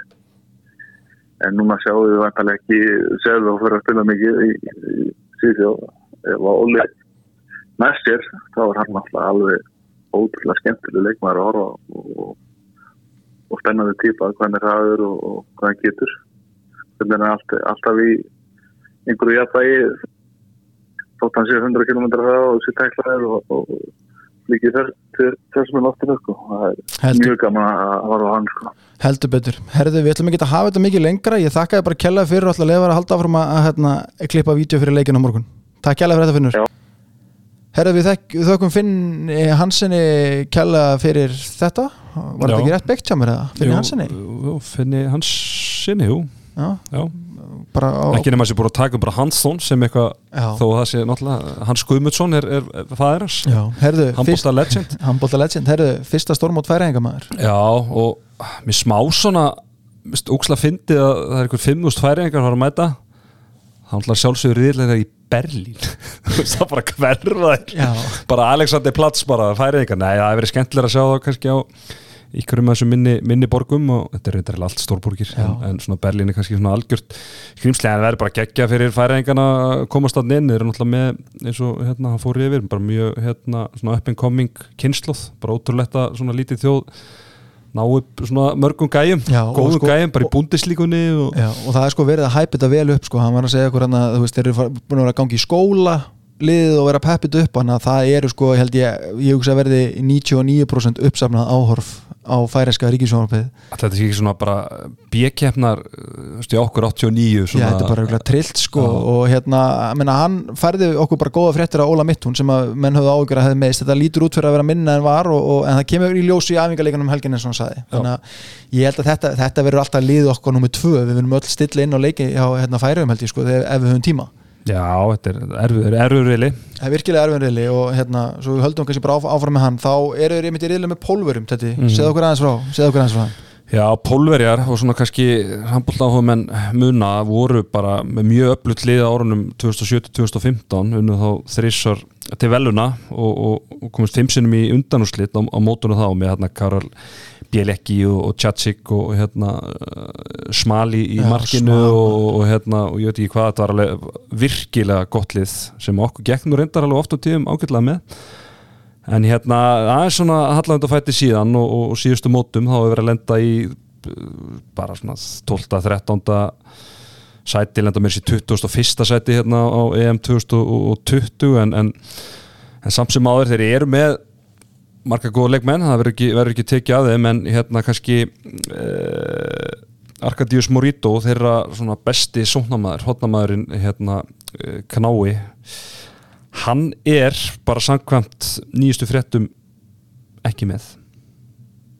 Það er skara fyrir, fyrir skildi. Já, það er stæðan fyrir skil Vistu, ég, ég, var- ég sá eitthvað hérna, hópbyrtana á netinu reyndar á pólsku og ég laði ekki í að þýða það sko. Hvort þetta verið, þú veist eh, hvort þið bara hafa ákveðið að kalla hann ekki inn eða munum svo kalla hann inn eða verið heillið eitthvað en mér erst ólíklegt að verið með. En svo erum við með hérna öflugan leikmann í, sem heitir Simons Sikko Skitta og svo erum við með Kamil Siptrak, hérna línu tröllið í, í PSG og, og sem að, hérna, hvort ég ekki lesið þannig daginn, hann verið markaðistur í, í frönskutildinni en svona þegar maður horfir á þetta fyrir fram að þá uh, svona er þetta úrslita, leikur á milli Pólunds og, og Slóina um, um hvort liði fyrr fer áfram með normunum upp, upp á þessu rili sko. heldur betur. Heldur að færi að reyði sensi þá? í pólverina? Já, Nei, nei, ég held ekki. Nei. En þú veist, ef allt gengur upp skilur þetta, mm -hmm. þetta er bara íþróttir og, og hérna þetta er ekkert eitthvað óvinnandi víi en, en svona mist, mist ólíklegt. Heldur betur. Herðu, Slóinja já, bara svona, þú veist er svona svipa lið og pólverja bara Já, svona lið sem að hérna, ég veit ekki, minningunni finnst mér eins og við höfum lent svolítið í vesinni með þá oft á tíðum og við erum svona alltaf við erum alltaf sigurstrangleri en hérna þeir eru oft verið verið erfiðir, erfiðir við okkur og hérna ég meina þeir komast í undanúslítið hérna 2020, þú veist, það er ekki, það er ekki lengar síðan en, en svona síðustu mótum, ég meina á síðustu móti lendar í 16. seti og síðustu tveim heimsmeistaramótum í 10. og 9. seti þannig að ég er svona svona ágætt að setja þá bara í þetta svona 10 til 12 eitthvað, eitthvað svo les, mér finnst það svona eðlur eðlur staður til, a, til að setja slóan ná og það er einn af mínum uppáðsleikmannum í, í boltanum, Dejan Bombak hann er þarna algjör leikilmaður búin að vera lengi, leikmaður Pick Second uh, svo erum við með línu tröllið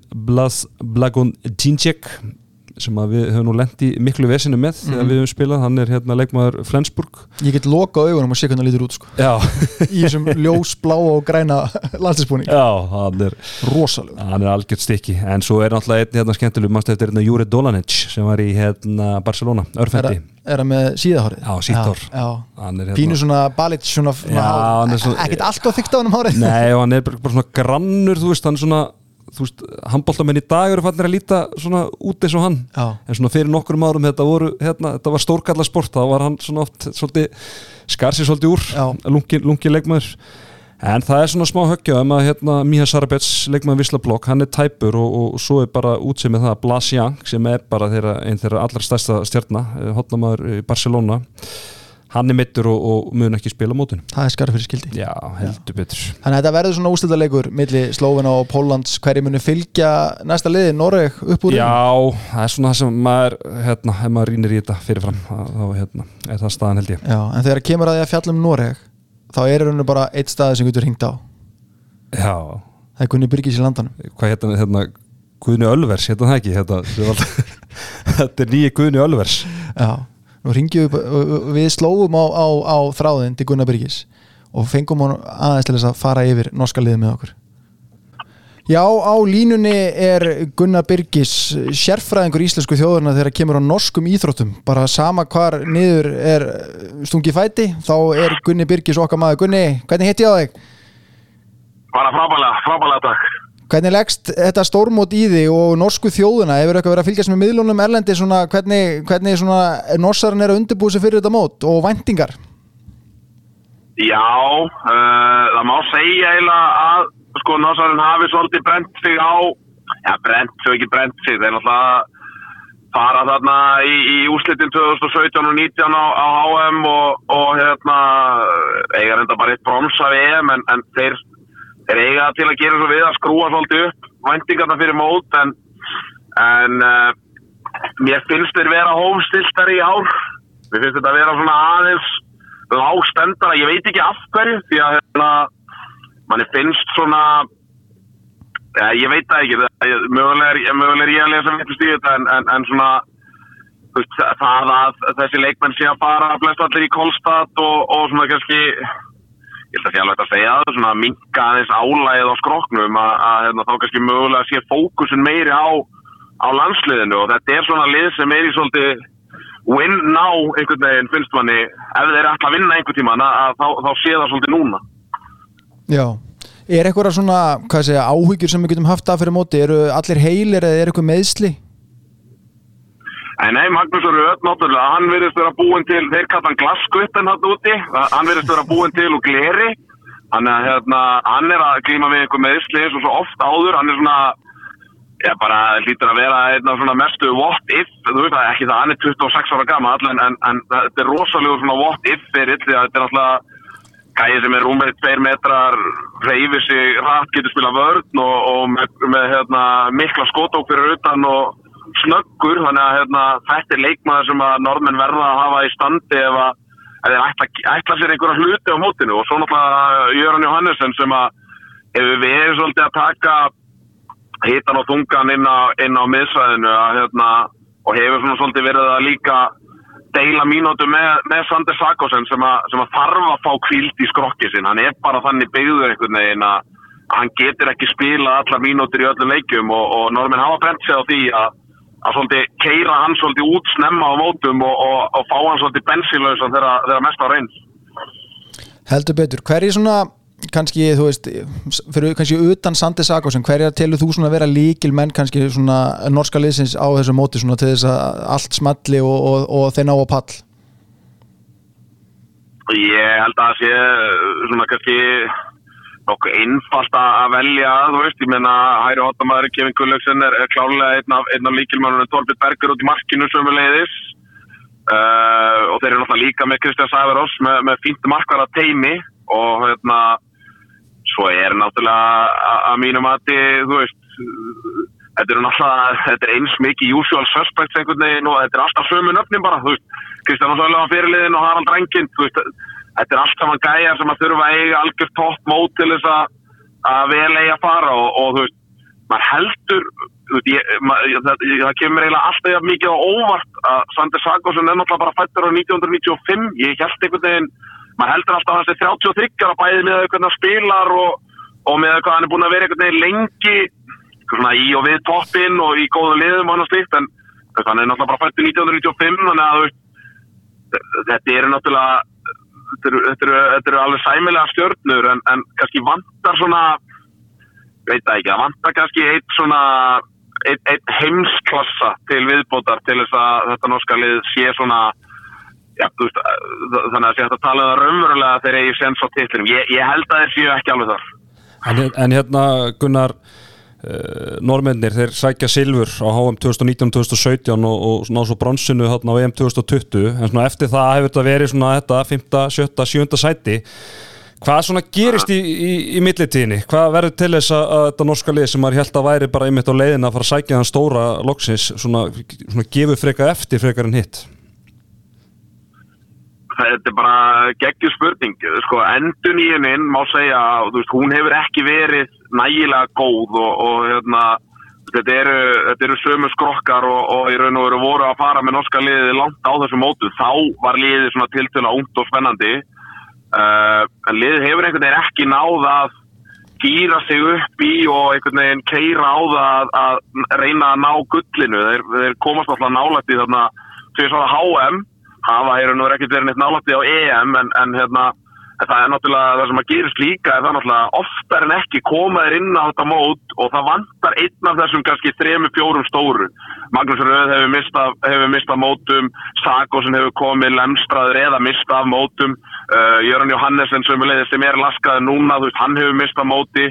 Þannig að þetta er svona þeir, þeir virðast aldrei geta náð uh, full mönnuður liði inn á mót og einhvern veginn allir að spila sin besta bólta. Það er einhvern veginn alltaf hann ef að veist þegar Magnús Röfa kannski eiga sitt besta tíðanbíl í Flensburg þá er Sander Sagosen að glímaði meðsli á Kíl og, og þetta er svona einhvern veginn en á einhvern veginn aldrei að láta allt einhvern veginn tikka og, og þar af leiðandi þá kannski er brittin ekki nægilega mikil til þess að þetta sé ennþá þetta lið sem að getur verið að keppa um velun þannig að og, veist, og, það er það sem ég er að meina með að normenn eru kannski svona hófstiltari núna að ég held að það er allir svolítið bara að sjá þú veist, þeir eiga að fara upp úr þessu riðli og svo kannski bara taka stöðuna í þessum vonandi eða þeir fara áfram að þeir að mæta dönum og svíjum sko. Já, ég hef sagt það að sem við erum lifandi podcast þá voru normenn rétti þess að gera 27-27 jættefli við Dani, þannig að ég held nú að vendingarna gætu skrúast eitthvað örlítu upp í Noregi í fyrramálið Já, en það er eins með normennina sko þeir eru kannski mögulega of góðu vanir að hérna, vera með einhvern veginn uh, topp íþróttafólk og viðsvegar að hérna, er komin ákveðin sigur hefð getur við alveg sagt í, í Norri í íþróttum og, og það er sama eins og er í desember og maður hefur tekið eftir að veist, norska kvennalið í raun og veru byrjar ekkert að vekja neina aðtikli fyrir henni komið í útsláttaketni eiginlega sko. Já, þetta er þessi norski hróki Já, þetta er bara algjör norskur húki sko oh. og, og hérna ofta á það, til, á það nú til að koma í bækið á þeim sko en, en hérna veist, ég, ég held að hérna held að, þú veist, formsatriði ætti að vera með við riðilinn að fara upp úr húnum uh, en svo, svo verður fróðast að sjá hvað gerist en, en sterk vissulega að gera jættið við þetta mm -hmm. Svona rétt í lokin, er eitthvað leikmaður sem verður utan þess að kannski þessa sem erum búin að þekka síðustu ár sem er að koma upp núna sem við hérna heima á fróni ættum að fylgja sérstaklega með mm, veist, Það er akkurat málið veist, þetta er veist, yngsti gæin í hóknum með fættur árið 2000 sko, og það er 2000, það, það ártu nú bara árið tildulega fullur, það ártu 23 ára gammalt sko, þannig að uh, uh, þeir eru með þarna Tobias Gröndal sem er, sem er í elverum þetta er bara smiðjumæður, getur spila vörn uh, ég er alltaf svolítið hrifun á Alexander Blons og, og veist, það er nú kannski leikmaður sem að þeir eiga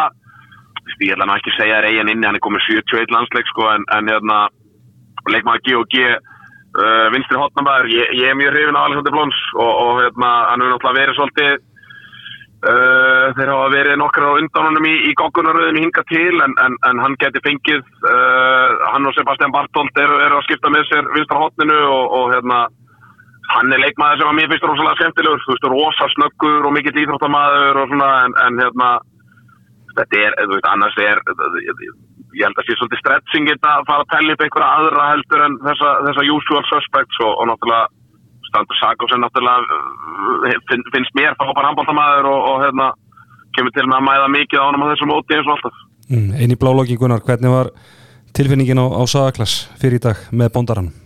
Uh, hún var, ég satt og reyndar ég fekk bara mynda mér af það en, en hérna, en ég, ég á nokkar félaga sem voru þarna fremst og, og jú, ég maður fekk að tilla sér aðeins og, og, og aðeins að fá að kynnast þessu. Þetta er svo þú segir alltaf, þetta er orðið voðalega fínt að aftur í líka Já, þetta er, þetta er svona, þeir eru farin að dúða upp sættin alveg frábæðlega náttur í sko. Rósa gott. Það er Gunni minn, Guð blessi, frábær og, og Já, besta manneska sem ég veit um.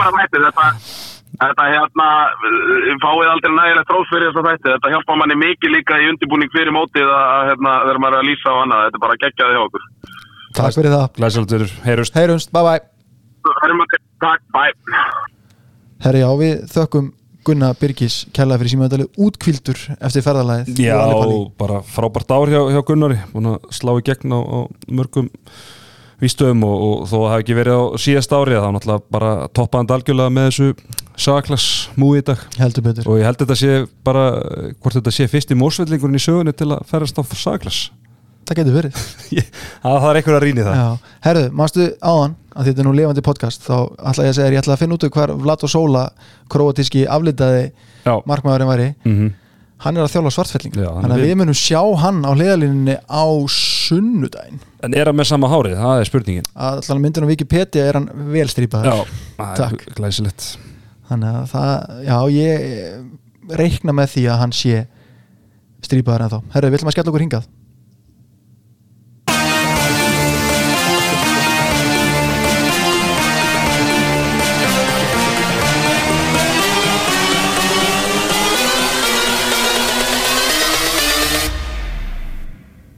Bring that ass back like a boom, boom, boom, boom. Heldur betur, við erum komin í eriðil sem fer fram í Mannheim. Og í þeim reyli, skal ég segja ykkur, eru Svíþjóð, Hollendingar, Georgia og Bosnia og það þó lág beinast við að sjálfsögða að, að, að tengja hennar reyðil við vinn okkar í Oranjebúm sem er nú hollenskur eðal lagarbjór Öllari. Öllari og hollendingar eru einmitt í þessu reyðli en svona til þess að ríða á vaðið í þessu reyðli þá ringdu við í hann Jóhann Flick sem er blaðamaður á sportsblæðið í Svíþjóð og ég fekk hann aðeins til þess að kafa dýbra onni sænska landslið með okkur So I have on the line Johan Flink, uh, which is a journalist for uh, Sportsbladen in Sweden. Hi Johan, how are you? I'm fine, thank you. Thank you. It's uh, yeah, it's it's getting close now. It's almost Uh, holiday season. It's almost holiday season for us. Yeah, exactly.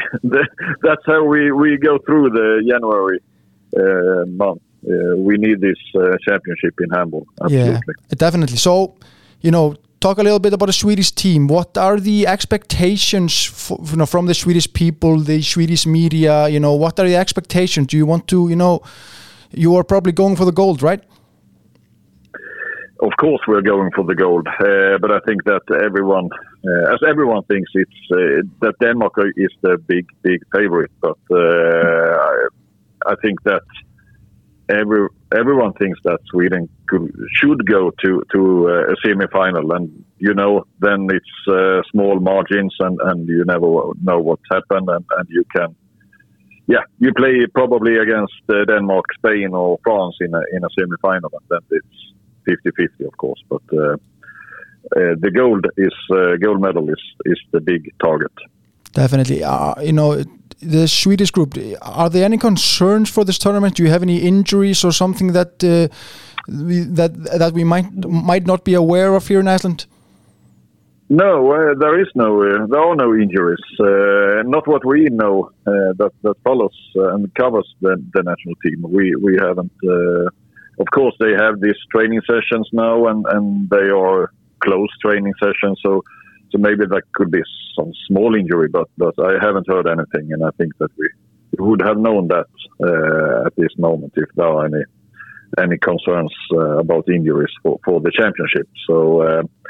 Uh, no, no injuries, and uh, no, there is no, there are no worries. Uh, I would say, of course, when when you look at the the we have the first group stage, and I don't think it should be any problems. Of course, the ne- Netherlands maybe is the the biggest uh, or strongest opponent, but you play they play or Sweden plays uh, against Netherlands in, in the third uh, game. I think that's better uh, against a, a team uh, like Netherlands that maybe not have that that broad squad. So uh, compared to, to meet them in to play against them in, in the first yeah. game, so um, I think it's a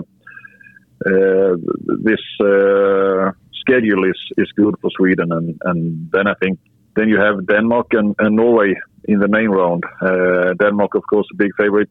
So, so, I think that Norway is the is the team to beat uh, for Sweden in in the main round to go to the semi-final. Of course, then you probably will have Portugal and Slovenia uh, and teams teams like that, and uh, of course strong strong uh, teams. But uh, if Sweden wants, and they are a top four uh, contender, I think now, so then you have to beat this kind of teams that are maybe from five six down to eight, ten in the in Europe or in the world. Definitely. So maybe if you you know give the Icelandic uh, listeners a little bit more knowledge, which are the key players that Sweden is relying upon on this tournament? I think that that most of the the these players are, are uh, that they are uh, familiar uh, with with the names, and of course you have Palika, Andreas Palika in goalkeeper. Don't uh, don't don't mention his name. We get nightmares. Yeah, I can see why. I can see yeah. why. Uh, you have Jim Gottfriedson, of course, uh, as the playmaker, uh, and of course it's an interesting question. Uh, I think that at least that you also have Felix Klar in the same position, and Felix Klar is maybe one of the uh, strongest players right now in, in the world, as he had played in, in Bundesliga. I think that out of three or four months, he has become the best, the player of the month in Bundesliga twice, uh, both both uh, September and November, I think, or something like that, or October and December. I don't know, but um, and, and and how will Glenn uh, uh, cope with that. Uh, Gottfriedson and, and and I think that Gottfriedson will be number one, but but Klar is in such a great shape, so of course you you need to play with him too. And and uh, I spoke to to Glenn Solberg, the the the coach, uh, yesterday about this, and and uh, of course they will use the whole squad in in the group stage and and be smart and and uh, and yeah, not to save players for, for, for the big games, but uh, I mean it's they, they they hope to play eight nine yeah so uh, basically yeah so basically to conserve energy basically to just to try Yeah. to divide it between the groups. So something that iceland uh, has not been doing very well under gummi our our last coach but we are hoping that snorri will bring that into the team this this this tournament.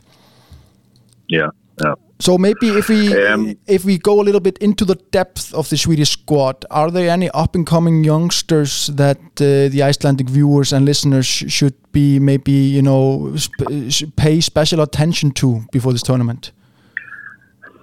he, he, he's not young, but he's play he plays his uh, first big tournament and uh, just played two games in the national team. Uh, the first one in March and then one in November. It's uh, Sebastian Karlsson on the right wing.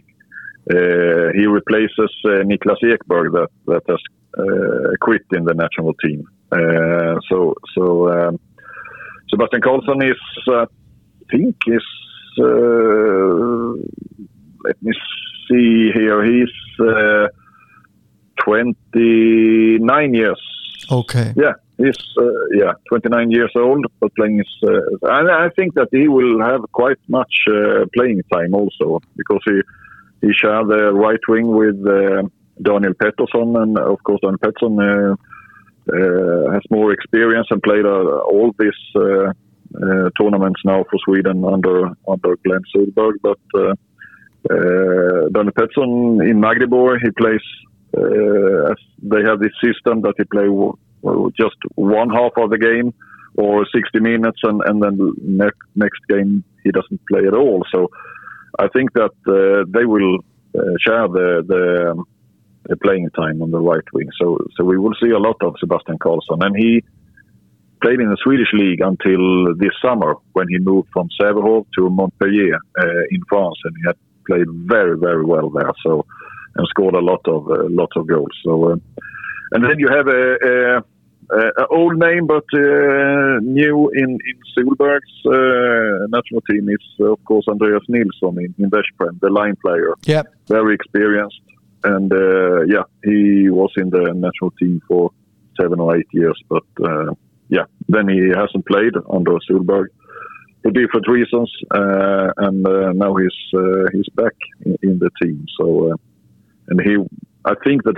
he will have this you call it now special teams, uh, seven against six and and uh, six against five, and, and like that, we will see uh, Nilsson play in the in the Euro. Very good. So Johan, I just want to thank you for giving the time for taking up the you know for taking the call and uh, give us a little bit uh, better insight into the Swedish squad. I wish you all the best uh, in the in in the tournament, and I suggest that all our listeners will press follow on Twitter for Johan Flick. Yeah. Okay. Thank you so much. It was a pleasure to be. Thank you. Thank you. Bye bye. Bye bye. Herðu við þökkum Jóhann Flick kella fyrir þessa 360 gráðu greiningu á Svíþjóð og við ætlum bara að láta hann að næja en þá ætlum við að fara í bestu vini og rannibúm og það eru hollendingar Já, sko, já, þetta Holland, Holland, Holland Já, ég meina það er, þú veist þeir allan komnir á þessu mót og, og, hérna, og voru fannir að detta þess inn á þau áður en að var fjölgað. Þannig að hérna, það er búið að vera uppseflað þar og, og þeir eru með leikmenn í, í, í bestu liðum heims.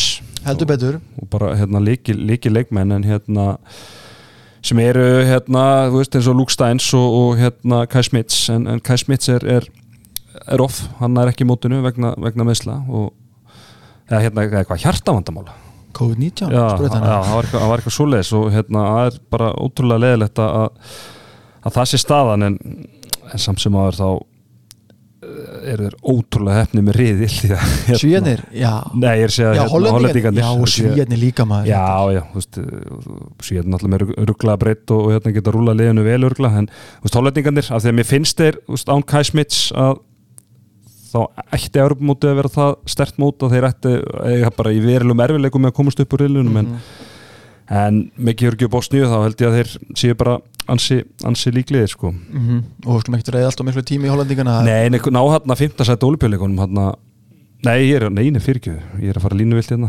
Var þetta ekki heimsveistaramótinu? Nei, nei, nei, þeir komist í Þeir náðu tíundarsætti hérna á Europamótinu 2022 Já, svo- já. Þetta var hérna Klippir þetta út? Nei, nei. Nei, við erum höfð þessu inn það er nógu mikið klippu Já, já, akkurat, akkurat. Svo, svo var hann að fara að klippa klukkan nýju fyrirmáli Herðu, Georgia já, Þeir eru bara mættir já, Bara fyrsta stórmótið.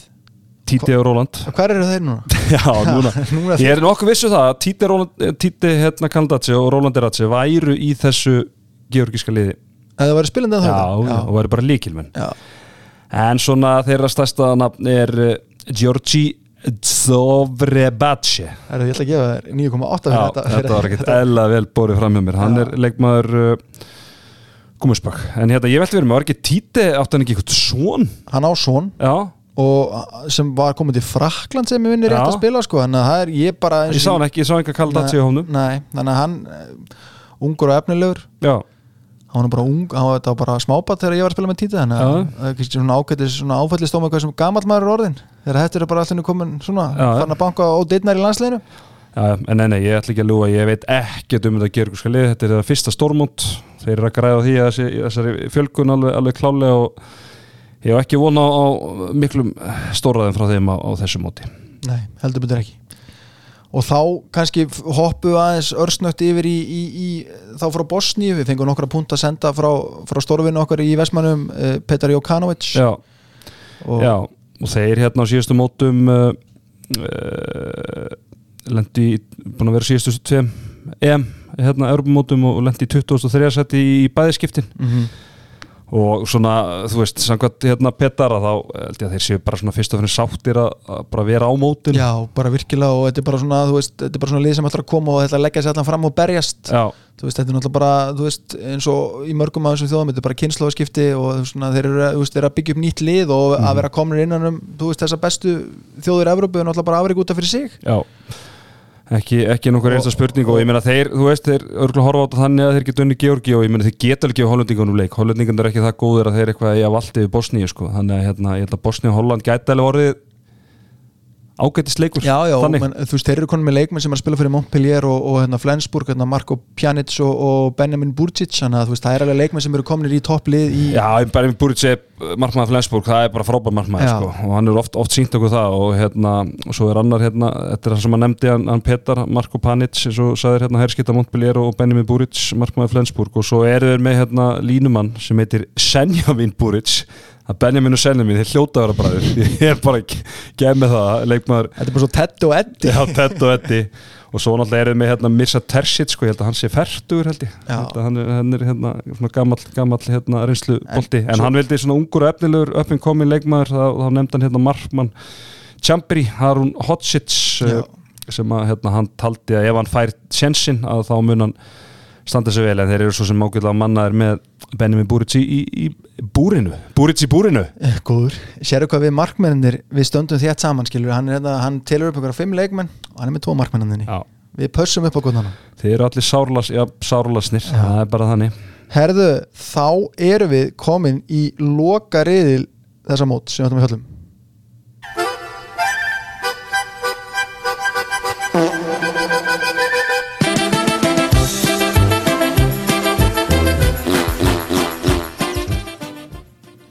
Já, og þessi riðil er í bóði stórvinnur okkar í skólprinsun Áskis. Og já, þetta er riðil sem hefur verið spilað með okkur í munn hér en við erum ekkit allt og spendi fyrir honum. Svona kannski svona fyrirfram. Nei, svona Daneti getur verið svona þokkala sáttu með hennar riðil, þú veist að því að minna við hérna eh, eins og við ræðum við Rasmus á, á eftir að þá hérna hafa þeir verið í vandræðum á Europamótun en hérna staðið sér vel á heimsmeistramótum en hérna uh, mögulega, þú veist þessi erfiðu leikir í Europakefninni eru, eru að valda því þannig að hérna Ef ef ekki bara heyra hvað Rasmus Já. á að hérna segja mér Já. Ekki So I have on the line the number one handball expert in the world, Rasmus Boysen from Denmark. Rasmus, how are you? I'm very good. January is my favorite month, so everything is good. Yeah, I think uh, we can agree on that. I usually, you know, this is our Christmas holiday, January. Yeah, yeah, yeah. It's perfect. Uh, I'm, uh, I'm just very, very happy that uh, we now have a European Championship coming up. So uh, yeah, everything's good. Yeah. So maybe if you talk a little bit about the Danish teams, uh, the expectations for the team. You know, what are the expectations of the nation? Uh, I mean, you probably are aiming for the gold, right? Yeah, the expectations is very, very high. Uh, as usual, uh, I have to say for myself uh, that I think that we should be maybe a little bit more humble in Denmark because I think there's a lot of good uh, nations and a lot of good teams. But of course, we have uh, on paper uh, the best team in the world, in my opinion. But still, there's a lot of matches to be played, and I think that the top of handball is, is very high for the national teams at the moment. But when you ask the, the normal Danish uh, guy, he would say, of course, we have to win. Yeah, definitely. I mean, in our last show, we had Logi Gerson, the former, you know, player of Icelandic uh, national team, and we were looking at the bookies, and and and I think we have never seen, you know, uh, you know, this low uh, you know on on some team in any sports in the world. I mean, I think it's 120 that uh, that the Danish team will make the final, which is ridiculously low because we all know that Yeah. a- uh, anything can happen. It's only one match, and you know it's it's Mm. basically off. Yeah, I totally agree.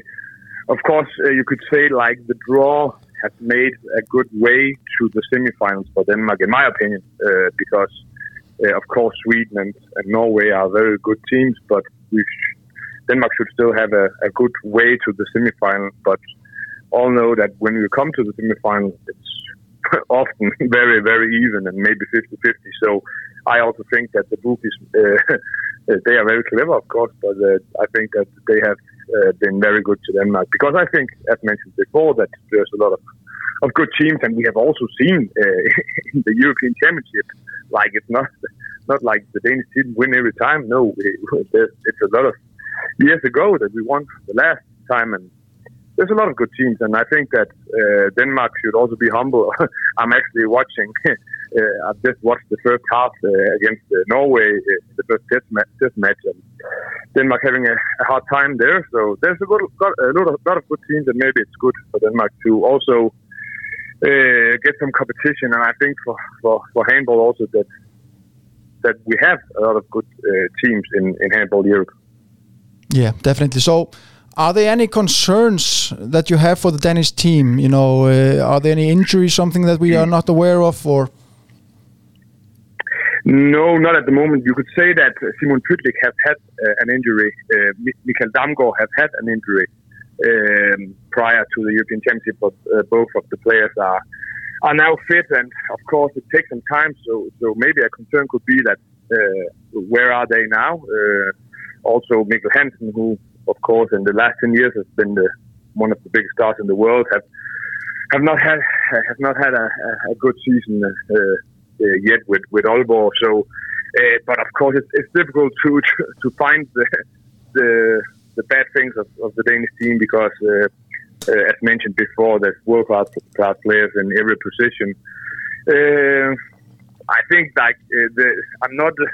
I'm, I, I don't think that the, the Danish attack will be a problem, but maybe in the defense, of course, uh, we have good uh, defensive players, but maybe that could be a problem, uh, like the speed and the individual skills. Uh, of course, Niklas uh, Kirkeløkke came in in the last championship and and and, and helped the Danish uh, defense very much.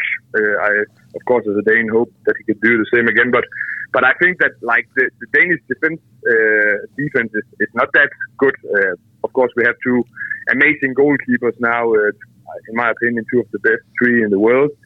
But uh, also when we play against teams which play maybe a little bit hard, we saw it against Croatia in the last championship that sometimes Denmark uh, lose uh, lose against these teams because we also saw it against uh, Hungary and, and, and Iceland in 2020. Uh, I think that uh, when Denmark will fa- uh, face teams which play very hard and and tactically also Spain have, have been a problem for, for Denmark before. I think that maybe that could be, be a problem. But but as mentioned, it will be difficult to see the big problems for Denmark. I, I think. hmm I'm gonna maybe skip the question about the key players of the team. I think with the Icelandic listeners and the Icelandic nation are all, all aware that basically, you know, the Danish team could probably send two teams to the European Championship, and they would and, and they would both make semifinals. But are there any players now in this team that you know that we might not have heard of, or you know maybe a dark horse that the Icelandic nation should, you know, pay a special attention to? Of course, that's also dif- difficult because the Icelanders know a lot about handball, and, and everybody knows all the, Danish players, I guess. But uh, you could say that a new player to the Danish team will play uh, um, uh, play in the, the championship this time is Emil Nielsen. Uh, Denmark ha- has a lot of good goalkeepers, but uh, his time is now. Uh, he he has been amazing in Barcelona, and he's still as a goalkeeper pr- pretty young and but now he, he will play the championship, and of course Niklas Landin will be the the first choice. But I just think that Emil Nielsen will be one of the best goalkeepers for the next uh, ten years. So you should pay attention to him. Uh, he he's just uh, an amazing uh, goalkeeper. He's so uh, cold. He's just uh, he just perform and perform and perform, and yeah, love to play handball. So I'm I'm going to enjoy to watch him in this championship. I think. Rasmus, you mentioned it briefly before that uh, uh, Denmark uh, haven't won uh, European Championship in recent years. Actually, haven't won it since uh, 2012, uh, and at the same time, Yeah. you you have won the World Cup, uh, World Championship the last three times. What, in your opinion, explains that? I, maybe it's, it's eh, yeah, I don't know because it's, it's pretty difficult to say why. Uh, you could say that in the European Championships, there's not a lot of easy matches. When when uh, Denmark has been best in the World Championships, they have played uh, a group phase uh, against easy po- opponents, uh, actually also main round. So just uh, came into the tournament pretty well and easy. That's not the same in the European Championship. I mentioned the 2020 Championship. Of course, you you also remember that. Um, I think that the European Championship, you just, of course, now it's uh, expanded, but you just have to be ready uh, all the time. This time, Denmark, I think, will have a pretty easy group, uh, and that's, of course, in favor of Denmark. But I think that that's uh, maybe the reason why, of course, also it's uh, sometimes it's it's just how it is because uh, yeah, that's not when you come to the semifinals. There's not a big difference between European Championship and the World Championship, World uh, World Championship, in my opinion. But but yeah, uh, I think that uh, the competition is uh, is harder harder in the European Championship. Uh, if we switch to the Icelandic team, uh, what are your expectations for the Iceland? If we switch to the Icelandic team, uh, what, are, what are your expectations for the Icelandic team uh, for this European Championship? I think it's difficult to say. I think that the Atlantic uh, team has an amazing uh, offense, uh, individually very very good players. A lot of good players also. Like it's not only the starting seven; it's it's also uh, number two and three on the bench coming in and can uh, can help the, the Icelandic uh, team offensively. But I also think that the defense is not strong enough to to to go for a medal. Of course, I root for Iceland. That's I think they play uh, very very good, uh, and, and I like to see them play. Uh, of course, there's also a lot of Icelandic players in, in the Danish league and so on. Um, but um, I think it will be difficult to go to top four with with this uh, defense. Uh, I hope I'm not right, but I just think that uh, Iceland they maybe have too many players with skills uh, offensively, but not that much in, in the defense. I think that that will be the biggest problem for, for Iceland. Yeah, and I think we tend to agree with you there. You know, uh, the defense and the goalkeeping will probably, you know, Mm. be the biggest ones. Uh, if we will reach the semifinals, we will have to have a top tournament there. Mm. So Rasmus, yeah, I think uh, this is all from us uh, now. Uh, we're gonna uh, now let you enjoy the second half of uh, Denmark Norway, and and thank you so much for for taking the call and and and giving the Icelandic listeners a little bit uh, better insight into the Danish super team. Yeah, no problem. Always a pleasure. Thank you. Bye bye. Bye bye. Herði við þökkum Rasmus Boysen fyrir þetta Rasmus Boysen Rasmus Boysen Yeah. og kannski eins og glöggi hlustundur er kannski búin að hérna, átt, átta sig á þá voru símtölun ekki alveg í tímaröð sko, þarna, þarna var hálfleikur hjá Noregi og Danmörku en þegar við tölum um Gunnar Byrgis þá var leikurinn búinn. Þannig að þetta endaði 27-27 þannig að kannski er þetta bara svona sparkið rassin sem að sem að Daninni þurfa fyrir mótið þú veist, eins og hann talar um, þetta eru mjög svona hrókafullir eða þú veist, Mhm. bara og það er alltaf hættilegt að fara inn í mót bara haldandi og lappir yfir það Já, já, ég meina þeir hafa lent í vissinni á EM og, og bara ekki unnið það síðan 2012 og þú gengi vel á heimsmeistaramótunum og ég held að það sé bara ágættis og góð skýring hjá honum að tala um það að e, þú veist, það að þeir geti rúlað á móti móti liðlugu liðanum Mhm. í, í byrjun móts hjálpið þeim Heldur betur. sem er samt svona hérna þversamna kent af því að þeir eru með svo mikla breytt skiluru, en það einhver, einhver hlut vegna hendara hendar að þeim betur en já, já, þetta verður bara Volkjörnum Park fyrir, fyrir Danna held ég sko Já. þessi riðil Já, og með þeim í þessu riðli eru Portugali, Tjekkar og, og Gríkir og ef, við förum í Portugali sem við náttúrulega erum búin að spila það er bara magnað að við sem ekki með þeim í riðla á þessum móti Mhm. búin að vera eld okkur undanfærin ár og það, veist, veðbankandi spá þeim þannig að tólta sæti þú veist, ég held að sé bara svona nokkuð á parið þeir eru búin að vera í kringum þetta tíunda sæti þú veist, Já. undanfærið og, og hérna 13. og 10. síðustu TM HM Já. reyndar uh, voru mjög slagir á síðasta EM náttúrulega þetta hérna, eða þú veist bara já, voru uh, bara gekk illa töpuð fyrir okkur í fyrsta leiku og svona náðu sér ekki alveg á flug eftir það uh, lendi 19 seti en náðu þessu sjötta seti án 2020 sem náttúrulega frábær árangur og svo, og svo komast þeir náttúrulega olimpíuleikana 2021 og þetta er í, í nýjunda seti sko og náttúrulega, þú veist, ótrúlega margir spennandi leikmenn í þessu liðum, þannig að þú veist, það er búið að tala með þessa drengi núna hvað í tvö ár kostabræðuna, þannig að þú veist og svo náttúrulega erum við ennþá með Gilbert og Duarte, þannig að þú veist þannig að, hérna, þú veist Já, Mikul Martins hérna leikmaður miðum að Pick líka mjög góður, svo er annar hérna hérna, hérna Portela hérna hotnamaðurinn Ólsegur og hérna svona marka maskina marka maskinu, já. Þannig að, þú veist, ég bara ég held að Við, við þekkjum, við, við spila það mikið á móti, við þekkjum þetta, þeir eru hérna stóra, stóra og þunga línumenn sem að, það er við höfum lent í miklu vesinni mið. Það var stundu verið hendi 7 og 6 Já, og samt þessi kostabræði þeir eru fesku vindur, sérstaklega Francisco, örfendi strákurinn, fættur hvað, 2005 held ég. Já, og gríðarlega efnilegur og bara einn efnilegsti leikmaður Evrópu og hann var komin í stórt hlutverk á hérna, síðasta heimsvinstra mótið þannig að það verður virkilega svona, það er svona sá leikmaður sem var að fylgjast með í þessu liði. Heldur betur. Herðu, þá er það tjekkanir sem við þekkjum ágætlega eftir að hafa spilað við á í hérna umspilinu núna hérna í, Já. í var, það ekki vor? Þetta Jú. að renna allt, eða Já. síðasta vor þetta farið að renna allt saman í eitt. Já, þetta var- já, Að- að- að- þetta var ennþá leiti sem að statusin kom að nú klefanum. Það var ekki apríl eða eitthvað? Já, þess, þessum að Gunni Magg og Gústi Jó sildu þessu heim fyrir okkur. Já, glæsilega.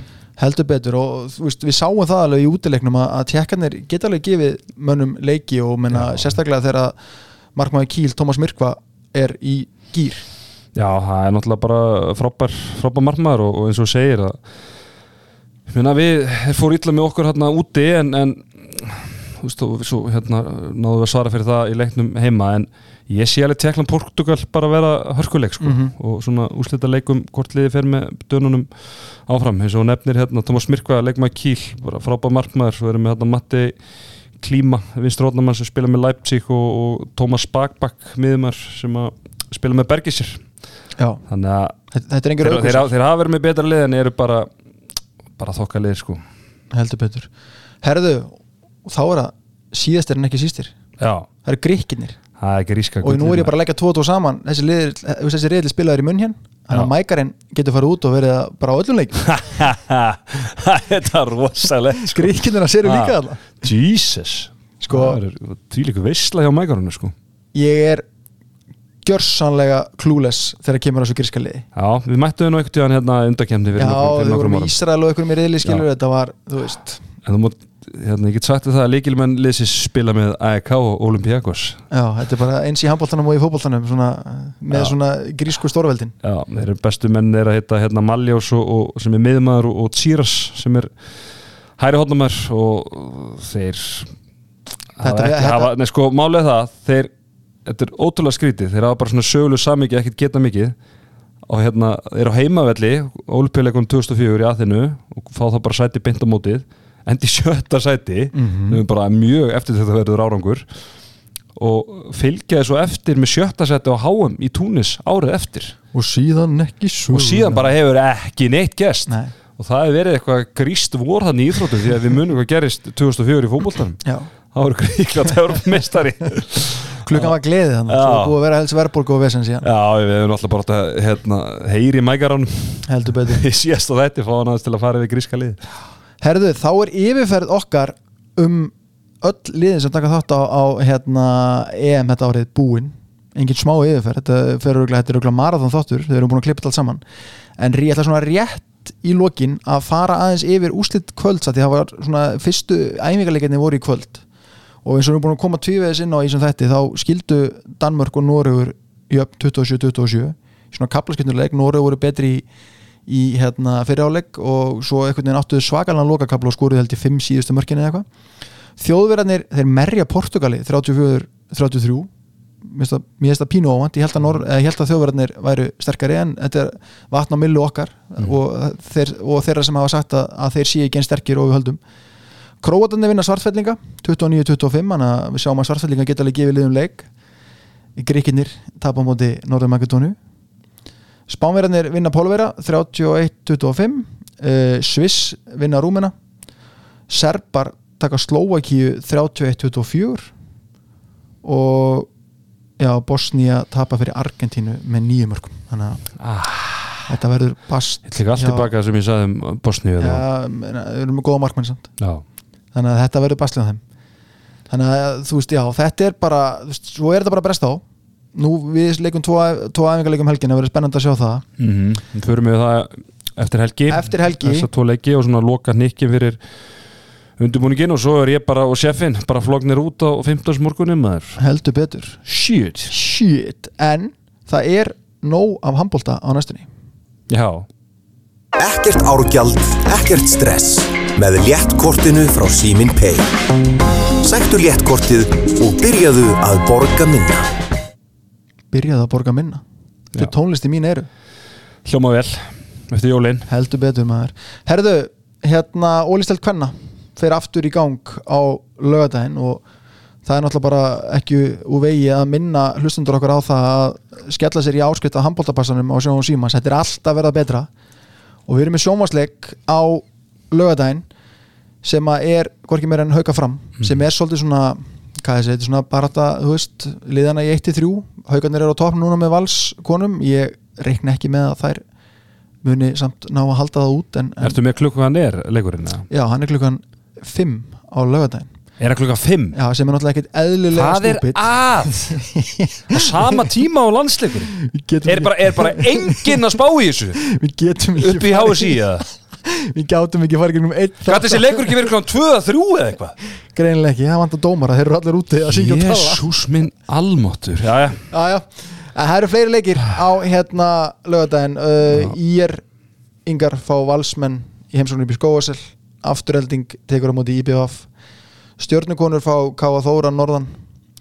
Og já, þá er það upptalið. Og þú veist, það verður bara forvindilegt, er alltaf svona forvindilegt að sjá hvernig svona liðin koma úr svona langri pásu. Sumuruglega bölvuði að þurfa að fara í langra pásu á Mm. góðu mómenti meðan pása. já, meðan kannski liðin svo stjarnan og kannski önnur voru ánað að fá smá tíma til að drilla en Þetta er rétt að vona að það er að nýtt tíma vel í að drilla því að Já. ekki veitir af. Nei, ég heyrði sér að hann var að drilla vel. Já, flott, gott að heyra. Og svo hérna bara minna hlustundur á það að landsleikinir eru báði klukkan 5 Það held að munna. 5 á lögadaginn, 5 á mándaginn á rúf, þeir ákvað að taka þessi leiki Á þakkinu, já. On the að roof Ég held að sem er þess að aðstöðun og allt. Það er alveg stutt í stórmút er, við erum á því þreytir við erum að skjóta allt og alla hérna.